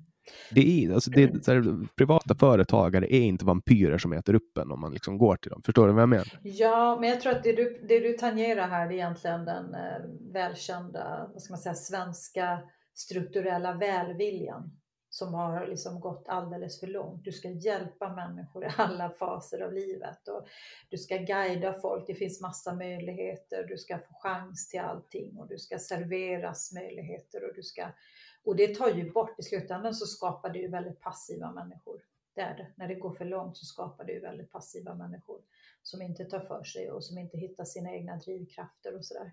Um, och det, det handlar ju också mycket om du ska, det är självförverkligande. Uh, man lär sig idag som ung att det, det handlar om att förverkliga sig själv. Det handlar inte om att försörja sig själv, för då hade man ju tittat kanske i större utsträckning på vilka, var finns det framtida jobb till exempel. Uh, utan det finns ju ungdomar idag som går gymnasiet och utbildar sig till clowner till exempel. Är det någonting svenska skattebetalare ska betala när det liksom är 99% arbetslöshet när du är klar? För marknaden är inte tillräckligt stor. Ja, det, det är ju helt otroligt. Ja, men det är ju helt Ja. otroligt. Det finns ju på något Är det, är det på riktigt alltså? Ja, ja, man får inte liksom, man Mm. tittar ju inte på samhällsnyttan alls, utan eh, och det tycker jag är, det är helt förkastligt. Skattepengar ska ju bara gå till sånt som liksom efterfrågas i slutändan. Det utbildas ju influencers också. Jag menar, hur stor är den marknaden? Ja, nej, jag vet inte vad jag ska säga. Eh, alltså det där är också en sak som, som är lite provocerande för mig. Jag var inte, jag var inte till Gustavsberg idag och till apoteket. Mm. Och då såg jag en kommunal bio. Och så började jag fundera, vadå kommunal bio? Varför har man en kommunal bio? Mm. Varför berövar man möjligheten från någon som kanske skulle kunna driva en bio Mm. genom att slå upp en kommunal bio? Vad, vad, vad är grejen där? Alltså jag, min, jag förstår inte. Nej, men det, Jag, jag förstår verkligen. Nej, men det är ju den här eh, tanken igen då, att staten ska liksom förse dig med, det offentliga ska förse dig med service och uppgifter och sådär. Det, vi har ju kommit så långt ifrån det här att, eh, att eh, vad ska man säga, trigga människors egna drivkrafter och företagsamhet. Och som företagare då, jag har ganska många vänner som är egna företagare. Och de straffas ju så enormt. Alltså det är höga skatter. Råkar du lämna in en blankett en dag för sent så får du en straffavgift på 10 000. Eh, alltså det, är- det är konstant så. Liksom, vad ska man säga, regelbördan, eh, all skatt du ska betala. Det är som att man inte man vill inte ha små, småföretagande helt enkelt. Alltså ett exempel som vi måste upp är ju Klock. När, när staten lagade en snabbmatskedja för att de tyckte att McDonalds hade monopol. Var, var det det åt någon gång? Vad sa du? Vad gjorde staten? De, de, de startade en snabbmatskedja som hette Klock. För att de tyckte att McDonalds hade monopol. Visste du om det? Nej. Jag känner jag till, men att det skulle vara... Nej. Det var staten. nej. Det var staten som gjorde det. Ja. Ja. Så, och det, hamburgare var ju förbjudna. hamburgare var förbjudna i Sverige. Men alltså det... Vilket årtionde pratar vi om? alltså på 50-talet. Ja, okay. ja. Men alltså klock, det, alltså det, det, det så jag blev påminn om det för inte så länge sedan, det är ju en helt sanslös grej. Alltså att, att svenska staten i närtid eh, har, har liksom startat en snabbmatskedja. Mm. Jag hade ingen, för att, ingen aning om att det var statligt. Nej. Nej, det var svenska staten alltså som drev det. Det, det, är liksom, det där var samma som jag, jag följde med en kompis in på Systembolaget här eh, förra helgen. Han skulle gå in och handla vin. Och jag, fick, jag, jag, kände ett genuint obehag av att vara där inne och veta liksom att den här affären administreras helt av staten. Mm. Det här är likvärdigt med när jag går till Skatteverket eller eh, någon annan svensk myndighet, Försäkringskassan och är där och tar en kölapp. Liksom. Det här är samma, mm. det är samma pengar, det är samma processer, det är samma drivkraft och allting. Det är liksom det är nästan lite obehagligt i min värld. Ja, men samma där. De vill ju inte tillåta gårdsförsäljning. Alltså vinproducenter får inte ens sälja sitt vin eh, på sin gård i Sverige. Eh, du, du, måste då, du måste övertala Systembolaget att ta in ditt vin om du ska kunna sälja ditt vin.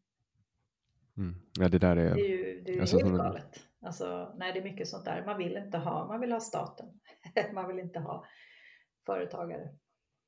Mm. Staten har lagt sin kvalitetsstämpel på det och då kan vi lita på att det är bra. Mm, precis. Ja, jag blir, ehm, jag blir lite lätt provocerad, men jag tänkte att vi skulle hoppa över till någonting annat som provocerar mig ganska mycket och det är coronahanteringen i Sverige. Mm. Hur, hur, tycker du? Nu, nu sitter vi inte i, i vishetens kranka blekhet än så länge, Eh, men, men vi kan ju fortfarande snart blicka tillbaks på ett år av coronastrategi. Hur tycker du att Sverige har skött sig? Nej, men både, både dåligt och bra. Alltså, ja. För det första, jag måste säga så här, just när det gäller coronadebatten, jag har hållit mig, jag har hållit mig utanför den. Eh, för att eh, jag kände precis samma tendenser i början som, som, som, som jag känt med många andra frågor, att det uppstår en masspsykos. Alltså det, alla springer åt ett håll, hela flocken springer åt ett håll. Och eh, Tegnell när han kom ut på banan. Eh, han, han, blev ju liksom gudsförklarad och han får sitta i Skavlan och han blir liksom idol. Det är som att svenska folket har ett otroligt behov av att eh, liksom tillbedja någon eller bara liksom, åh, nu dök det upp en mysfarbror här som vi ska lyssna på och han är jättebra och sådär. Så att hela den grejen är obehaglig tycker jag. Eh, sen var det fascinerande i början att eh, det var så problematiskt att vara nationalist och vilja vara svensk och att Sverige faktiskt är ett land och sådär. Eh, helt plötsligt på alla presskonferenser så bytte man ju ut EU-flaggan mot svensk flagga och man hade sån här svensk flagga pin på kavajslaget och så vidare. Helt plötsligt så var vi en nation. Det var lite... Ja, nu börjar det, det börjar låta som stöveltrampen från 30-talet som är på väg tillbaka. Verkligen, det gick eh, oväntat snabbt liksom. Eh, så det var ju fascinerande. Sen tyckte jag så här, i början när man inte hade koll på vad det var och hur, liksom smittspridning och hur, hur farligt det var och så, där, så tyckte jag det var väldigt märkligt att man till exempel inte satte eh, vad som säger, skidresenärer i karantän när de kom hem. Om man inte uppmanade folk att har du varit i Alperna nu eh, så, så håll dig hemma i en, två veckor och kolla att du inte får några symptom. Det hade man ju snabbt kunnat göra. Eh, man hade också kunnat stoppa flighterna som kom ifrån andra länder som var väldigt drabbade och då menar jag inte bara i Europa och sådär. Så att innan man fick koll då. Och sen sa jag också väldigt tidigt, typ det var konstigt att man, och man konstaterade ju efter en tid att det var framförallt äldre som drabbades hårt och som, som fick sätta livet till. Då tänkte jag med en gång, då måste du säkra upp de äldre, alltså typ äldreboenden, restriktioner, hjälpa äldre att handla till exempel, låt dem hålla sig hemma innan du vet. Va? Och det tyckte jag var konstigt och där ser vi också, där har ju varit de jättestora bristerna. Eh, och sen så tycker jag också det här att man aldrig, för att summera, men tittar man på dödstalen så har vi ju hanterat det uselt om man jämför med både Finland, Norge och Danmark. Eh, enormt mycket mer eh, liksom, dödsfall. Så att där har du facit och ekonomiskt går vi inte mycket bättre än, än jämförbara länder heller. Så att det motiverar ju ingenting. Men jag tror också att det visar på de här bristerna vi har det, det, känns ju ibland som att alltså, vi har väldigt grundläggande strukturella problem i det svenska samhället och, och det, liksom, det, har man kunnat dölja och lappa och laga och det har inte märkts. Men liksom, nu har det varit ett stort stresstest och då märktes det ju hur dåligt dåliga resurser eller organiserat, vad det nu beror på, att sjukvården i alla fall inte höll måttet. Vi hade minst IVA-platser, alltså intensivvårdsplatser i Europa till exempel per capita. Eh, och enorma ansvar, en vård och långa, långa vårdköer. Där ligger vi också i topp i Europa. Eh, och de har ju bara ökat på. Så där, såg, där ser vi ju liksom att det här liksom, vi har väldigt grundläggande problem och det syns ju när vi blir stresstestade och det här var ju ett stort, eller är ett stort stresstest helt enkelt. Sen har det ju varit konstigt och nu har inte jag, som jag sa då, jag har inte följt det här jättenoga. Jag sköter mig, min familj sköter sig, jag liksom försöker leva efter restriktionerna, jag är försiktig. Ehm, så på så vis har jag liksom varit uppmärksam då. Men, eh, men sen har jag också upplevt att det har varit så himla många det är olika besked hela tiden. Och då är vi tillbaka till det att jag vill ha logik i saker och ting. Och det är, för mig är det inte logiskt att liksom förbjuda sammankomster, att man bara får träffas åtta personer, men samtidigt så får det gå flera tusen på, på shoppingcenter. För mig är inte det logiskt. Eh, får... Men det finns ju hål i logiken. Ja men, ja, men det är verkligen. Va? Och det, det tycker jag, då, då, liksom, då får du motivera det på något sätt. Men det, gör man, det har man inte kunnat göra, utan det har varit väldigt hattigt och det har inte varit logiskt och det har varit fram och tillbaka olika besked. Eh, man har ju också i vissa sammanhang synat det här som jag kämpar mot, den så kallade jämställdhetsintegreringen eller det här jämställdhetsperspektivet och jämlikhetsperspektivet som du ska ha in i allting. Att jag menar, Tegnell uttalade sig till exempel att på frågan då, är det inte bra om folk jobbar hemma? Nej, men vi vill inte uppmana till det för att det är inte alla som kan göra det. Då blir det inte jämställt eller det blir inte jämlikt. Och det, det är ju för mig helt galet i en sån här situation. Det är väl bättre att de som kan jobba hemma, om, det, om vi nu tror att det hjälper mot smittspridningen, de som kan jobba hemma, låt dem göra det. De som inte kan det, nej synd, vi kanske kan hjälpa dem på ett annat sätt. Men att, att det här blir ett överordnat mål och nu sa man ju någonting veckan som var precis i samma anda. Så att det här med liksom jämlikhet och vad man nu klär det här i, det, det liksom är, blir ett överordnat mål, till och med mer än att rädda liv. Jättemärkligt i min värld, helt förkastligt. Så att, jag vet inte om jag svarar på din fråga. Jag tror att det finns väldigt mycket att lära om eh, hur man har hanterat det här. Ehm, och jag tror också att jag trodde ju att när det bröt ut i början att nu kommer vi äntligen få en tillnyktring. Nu kommer man förstå, till exempel det här, vi hade väldigt dåligt med beredskapslager och det är någonting vi som Sverigedemokraterna också har pekat på i många år nu. Vi har inget beredskapslager, vi är väldigt beroende av omvärlden, vi har väldigt låg självförsörjningsgrad. Eh, vi lägger pengar på eh, feministisk snöröjning, men vi har inte skydd i äldrevården till exempel. Alltså de här tillbaka till någonstans till kärnverksamheten och, och det som är viktigt. Uh, det trodde jag att skulle liksom bli en tillnyktring nu när det, systemen testades och sådär. Men uh, vi har inte sett den än, men jag tror ju fortfarande att den stora smällen ekonomiskt, den kommer ju. Uh, om inget. Ja, det är lite förvånande att finansmarknaden inte har kraschat ännu. Nej, och det för mig som ekonom är det väldigt obehagligt för att för mig tyder det ju bara på att man pumpar in artificiella pengar i systemet det är ju så alltså att ha en börs som går all time high samtidigt som det är rekordmånga som permitteras och du, inte, du vet inte slutet på den här krisen och, och sådär. Eh, för mig är det ju helt motsägelsefulla signaler. Det, det, är ju bara, och det är likadant i EU nu.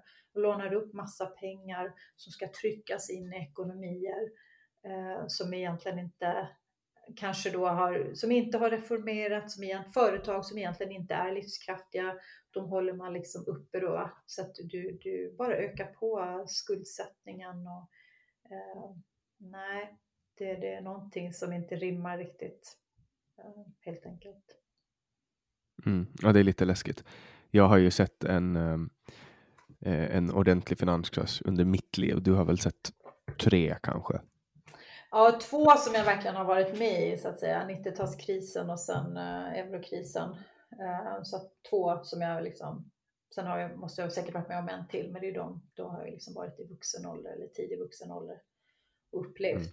Det, var, mm. det var inget kul, alltså även om jag bara var 15 eller något sånt när, när 2009-kraschen eh, kom, 2008-2009 så, så var ju det otroligt hemskt att, att vara med om. Alltså hur världen bara liksom drog sig ihop, drog sig samman och det tog jättelänge förrän saker började hända det var egentligen nu bara några år som det har pågått den här högkonjunkturen och nu händer det här liksom. Man, man vet ju att det kommer ju att falla förr eller senare. Ja, och sen tänker jag så här också att eh, under de här, liksom början, först 90-talskrisen då, eh, finans och fastighetskrisen framför allt, eh, Eh, då så gick ju Sverige då från att ha, ha liksom en sysselsättningsgrad, nu är inte det något bra mått, men eh, antalet liksom arbetande i befolkningen var väldigt hög då efter krisen. Och sen så blev det ju en massa arbetslöshet under krisen. Och sen då när liksom ekonomin började återhämta sig, då kom vi aldrig tillbaka till den här höga nivån, utan vi sänkte, jag tror det 5-6 procentenheter då, eh, lägre andel av befolkningen som sen kom i arbete då. Och det här har vi ju sett liksom i varje sån här kris, även då efter förra krisen, så sjunker den här siffran ytterligare. Och det är klart man ställer om, man rationaliserar, det går hand i hand med robotisering, digitalisering och allt det här då. Och nu tänkte så många nu företag som går omkull, då, småföretag och hur industrin ställer om, vi, vi rationaliserar ännu mer, vi går över till det digitala och så vidare. Det kommer ju sjunka ännu mer. Så man blir så här, vad ska folk leva på i framtiden? Och vem ska vi plocka skatter av? Vem ska politikerna, vilka resurser ska kunna fördelas i framtiden? Och det är ju frågor man aldrig pratar om. Aldrig. Det är ju här och nu. Ta in pengar, fördela till folk, bli omvald. Eh, det är ju mycket mycket det som styr, tyvärr. Mm. Jag tror att det är ett systemfel i grund och botten som Sverige lider av, eller som egentligen alla västerländska dem demokratier, de flesta i alla fall, har någon form av systemfel eh, som gör att det frodar ett, ett politiskt klimat som odlar fram den här stereotypa ljugpolitikern, om du förstår vad jag menar. Ja, och sen tror inte jag så att liksom, flesta politiker ljuger. Eh, liksom. Det, det, är inte medvetet utan det är okunnighet och man jobbar också i Kanske som sitter du liksom i riksdagen eller för den delen i parlamentet så har du din sakfråga du driver. Det är väldigt komplext nu. Ta bara parlamentet, EU-parlamentet, alla frågor vi ska rösta i hela tiden. Hundratals. Liksom. En röstning kan ju bestå av 15, 1500 knapptryckningar. Otroligt många frågor du ska ta ställning i. Eh, och, och, och det, det, är ju väldigt svårt. Det är såklart väldigt... Hinner du ens läsa på om allting? Nej, det hinner man inte. Man får hålla sin linje. Man har ju, dels har man ju personal som, som hjälper till naturligtvis, som blir, eh, som blir väldigt trimmade i. Och sen har du ju dina områden. Sen får du, du får ju fördela arbetsbördorna helt enkelt. Jag sätter mig inte in i varje fråga utan det som handlar om industri, näringsliv och den typen av frågor, då ligger det på mitt bord. Och man får såklart hålla en övergripande linje. Du kan inte in i detalj allting, eh, utan du får hålla en övergripande linje. Och det funkar i och för sig ganska bra. min poäng är bara att när du har så många frågor du ska blanda i, det tyder ju också på hur stor apparaten har blivit. Alltså att, mm. att det utökas hela tiden, antalet frågor och beslut som ska fattas och sådär. Eh. Hur många, hur många sitter ni i utskottet, i, alltså i industri, forskning och energiutskottet? Oj, vilken fråga. Det är ett ganska stort utskott. Jag vet. Men det är typ så här 100 pers? Nej, inte så många. 70, 60 kanske, 60 kanske. Jag vet inte. Det är en bra fråga faktiskt. För det kommer ju från olika partigrupper så jag har inte koll på exakt. Eh, men det är ett stort utskott, lagstiftande. Vad pratar ni för språk? Man har ju rätt att prata sitt modersmål om man vill. Jag pratar engelska.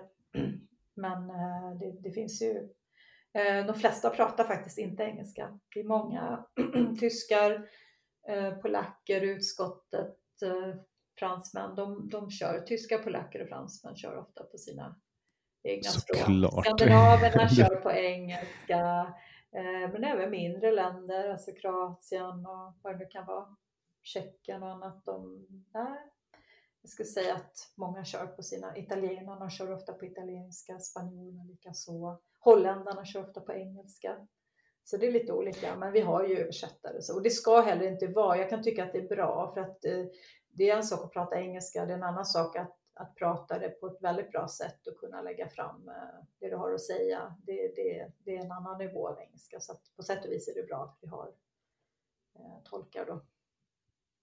Har du haft ett anförande i parlamentet någon gång? Ja, jag har haft, uh, haft en hel del faktiskt. Sen är det ju då, det är en rangordning det här med att man, hur, hur lång talartid du får och när du får talartid i vissa frågor. Man ansöker om de frågor man vill yttra sig i och sådär. Men det där är ju också det är en förhandlingsfråga och de mindre partigrupperna får mycket mindre tid än de större partigrupperna. Så, där. så att, Hur kändes det första gången då att stå inför församlingen? Jo, första gången var en debatt som handlade om EUs eh, e globaliseringsfond, tror jag man kallar det. Det finns en fond där man kan äska resurser om man som land eller företag har, tycker sig ha drabbats hårt av globaliseringens effekter eller konsekvenser. Eh, och det var då en debatt, eh, det handlade om belgiska Carrefour som eh, hade då fått säga upp några anställda och då ville belgiska staten ha eh, omställningsstöd eh, för det. Och jag tyckte det var jättemärkligt för att man vet ju inte vad då drabbas av globaliseringen. Alltså det kan ju vara ett illa misskött, det kan vara ett misskött företag också. Alltså i, liksom i perioder behöver man ju säga upp folk och så många var det inte heller för den delen. Plus att jag då, Belgien var ett välfungerande rikt land så att de kan själva klara det där. Det behöver inte svenska skattebetalare gå in med någon slags här omställnings eller arbetsmarknadsstöd tyckte jag då. Så att eh, jag fick talartid där, men det var en sen kväll. Debatten är ofta långa. Jag tror det här var all, halv elva på kvällen och då var det ju i plenum i Bryssel och det var i stort sett ingen som lyssnade. Det var talmannen. det var några där som också skulle hålla tal då, eller anförande. Och sen så eh, får man ju stå vid sin plats då, som man har då. Och så får man då säga vad man har tänkt att säga på en minut. Är liksom standard. Jag, jag tänker mig hur det går upp till ett podium. Det sitter 704 jätteengagerade parlamentsledamöter och andaktigt lyssnar på dig. Men det jag hör nu är 700 tomma stolar och någon trött arg fransk gubbe som ska prata om globalisering. Och ja, exakt. Och då, och då tänker ju många, för när jag lägger ut de här klippen, då, nej men gud, det är nästan inga som är där. Vissa debatter är lite mer välbesökta, men man får komma ihåg då att det är 705 parlamentariker som alla har olika ämnen och det är så många frågor och debatter att om alla skulle sitta där hela dagarna och bara lyssna på alla, då skulle vi inte göra någonting annat. Och man kan ju inte mm. heller sitta och lyssna på debatter där du kanske inte ens får rösta. Det gäller ditt egna utskott till exempel. Utan ofta är det så att man sitter på sitt kontor, så är det för mig i alla fall. Man sitter på kontoret och sen har man då tv på som då direktsänder debatterna så lyssnar man då på det man vill lyssna om man har det på i bakgrunden. Då. Utan mycket av det när man säger där, det handlar faktiskt mycket om att liksom opinionsbilda, prata med dina egna väljare, visa vad du har sagt till om och sen så märker man ju direkt att har jag hållit ett tal eller anförande så man, man förstår i efterhand att det är många lobbyister, företag, intressegrupper som lyssnar för man kan direkt få ett mejl att det där gillade vi med ditt tal eller eh, de kanske vill boka in ett möte eller om de tycker att man har fel åsikt eller sådär. Så att eh, det är ju en det finns ett politiskt intresse, och, eh, men, det, men alla ledamöter... Men, men när, när Greta Thunberg var i EU-parlamentet, då var det jättemycket människor. Så stod det i tidningen. Ja, jag vet faktiskt inte. Var det FN kanske? Det var FN? Någon FN ja, FN. Ja, nej, ja, det, det, det, sägs ju att det inte var det heller. nej, alltså, det, var, det var det jag om. Jag såg en, det var någon film som någon hade filmat så här, på publiken där, där det var liksom några trötta gubbar som satt kvar och lyssnade. Ja, exakt. Typ det, så som det brukar vara i parlamentet. Däremot kan man ju notera att eh, hon var ju i parlamentet eh, när corona hade brutit ut och ingen annan fick besöka. Men hon fick ett undantag. Hon fick komma och träffa... Gresus. Ja, exakt. Hon fick komma och träffa Ursula von der Leyen och, eh, och sådär. Ja. Så att hon fick läxa upp ja, nej, kommissionens ordförande också. Mm. Men alltså det är klart, alltså, man kan inte låta en pandemi komma förbi att få gnida sig på Gresus stjärnglans. det, det måste man få göra. Ja, jag har inget emot Greta Thunberg, men det är ju, Nej, det, inte jag heller. Jag, jag tycker det. det. Men det är ju en sektliknande företeelse, det som pågår. Och, och, jag tänkte på det här, för det du pratade om, hon var ju också på det här toppmötet i Davos. Uh, och um, World Economic Forum. Och, eh, och då tänkte jag, för då satt hon ju, då var det ju full publik och man tänker sig då att det är makteliten, det är eh, liksom framgångsrika företagare och allt möjligt då som sitter där och lyssnar. Och de blev ju fullständigt uppläxade. Och då tänkte jag så här, det här är ju liksom, är det västvärldens förfall vi ser här nu? Att liksom framgångsrika, mäktiga människor blir uppläxade av en 16-åring. Alltså, det är, för mig är det, hon må vara hur duktig som helst på att hålla tal och hon tror säkert på det hon säger och det kan finnas korn av vettiga saker i det hon säger, det är inte det. Men när man skjuter fram ett barn, minderårigt barn, som själv inte har forskat, som inte har någon större utbildning, såklart ingen livserfarenhet, inte har byggt något företag, jag vet inte. Liksom, eh, och bara låter sig läxas upp. Det är, det är bisarrt i mina ögon faktiskt. Mm, det känns lite sisådär. Ja, nej men att eh, det, det är liksom. Jag tycker att det är jättebra att som, som någon som representerar ungdomen får liksom bära den fanan och jag tycker hon gör det jättebra. Ur, ur medieperspektiv så är hon ett, ett uh, mediefenomen som vi aldrig har skådat förut och Eh, jag tycker det är jättekul att hon är eh, engagerad. Det, det som jag tycker att går snett med henne, det är ju medias eh, bevakning på henne. Den är ju inte um, alltså den är ju inte objektiv som man ska vara liksom. Det är mycket som brister i den. Nej, och utan, men samtidigt får man säga utan media hade hon inte varit det där fenomenet. För det, det, är, liksom, det är bara det är media och eh, andra intresseorganisationers kraft som gör att det gick så snabbt. Det, alltså, du, blir inte, du blir inte det fenomenet över en natt om du inte har en media som liksom bara lyfter fram det på det viset. Det, du har inte mm. det. Svenskar är extremt bra på PR. Ja, men det, har ju, det spred sig ju snabbt. Det fanns ju, det fanns ju en efterfrågan på någon som henne också när hon kom. Alltså, det var väl det man hade väntat på. Någon som man kunde liksom sätta som fixstjärna och skjuta framför sig. Så ser jag det i alla fall. Mm. Och nu har vi pratat så länge som vi sa att vi skulle prata. Otroligt. Ja, eller hur? Två timmar, två timmar går snabbt och det här släpps ju. Det här släpps ju om en timme och 50 minuter, så alla som, alla som hör det här nu eh, på, under natten, det är ganska många som lyssnar på den på natten. Det är alltså ett hundratal, över fem, ja, fem, sex, 700 personer ungefär som lyssnar på det när det kommer samma natt. Mm. Eh, och där kan vi snacka om uppläxning. Om jag inte släpper de här samtalen i tid, då plingar det till fullt med arga meddelanden. Eh, så ni som hör det nu eh, kan känna att ni riktigt har hört någonting riktigt, riktigt färskt. Och ni som hör det här någon gång under 2021 så hoppas jag att podden fortfarande finns kvar. Men jag vill tacka dig jättemycket Jessica för att du ville vara med i samtalet. Tack så jättemycket. Och till alla er som har lyssnat så eh, tack för att ni fortsätter lyssna på min podd vecka efter vecka, för att ni fortsätter att donera pengar till det här projektet. Det värmer mitt kapitalistiska hjärta jättemycket och jag hoppas att ni fortsätter. Det är svåra tider för alla och inklusive mig som numera är fattig studerande. Ni får jättegärna stödja det här projektet genom att swisha mig på 070-352 2472 eller genom att gå in på www.patreon.com samtal. Ni kan också gå in på min hemsida www.samtal.ax där ni hittar alla länkar, telefonnummer och där hittar ni också en Paypal-knapp ifall ni vill skänka pengar på det sättet. Jag släpper nya samtal alla onsdagar året runt. Jag heter Jannik Svensson och du har lyssnat på podcasten Samtal. Normally being a little extra can be a bit much, but when it comes to healthcare, it pays to be extra. And United Healthcare makes it easy with Health Protector Guard fixed indemnity insurance plans. Underwritten by Golden Rule Insurance Company, they supplement your primary plan, helping you manage out of pocket costs without the usual requirements and restrictions like deductibles and enrollment periods. So when it comes to covering your medical bills, you can feel good about being a little extra. Visit uh1.com to find the Health Protector Guard plan for you.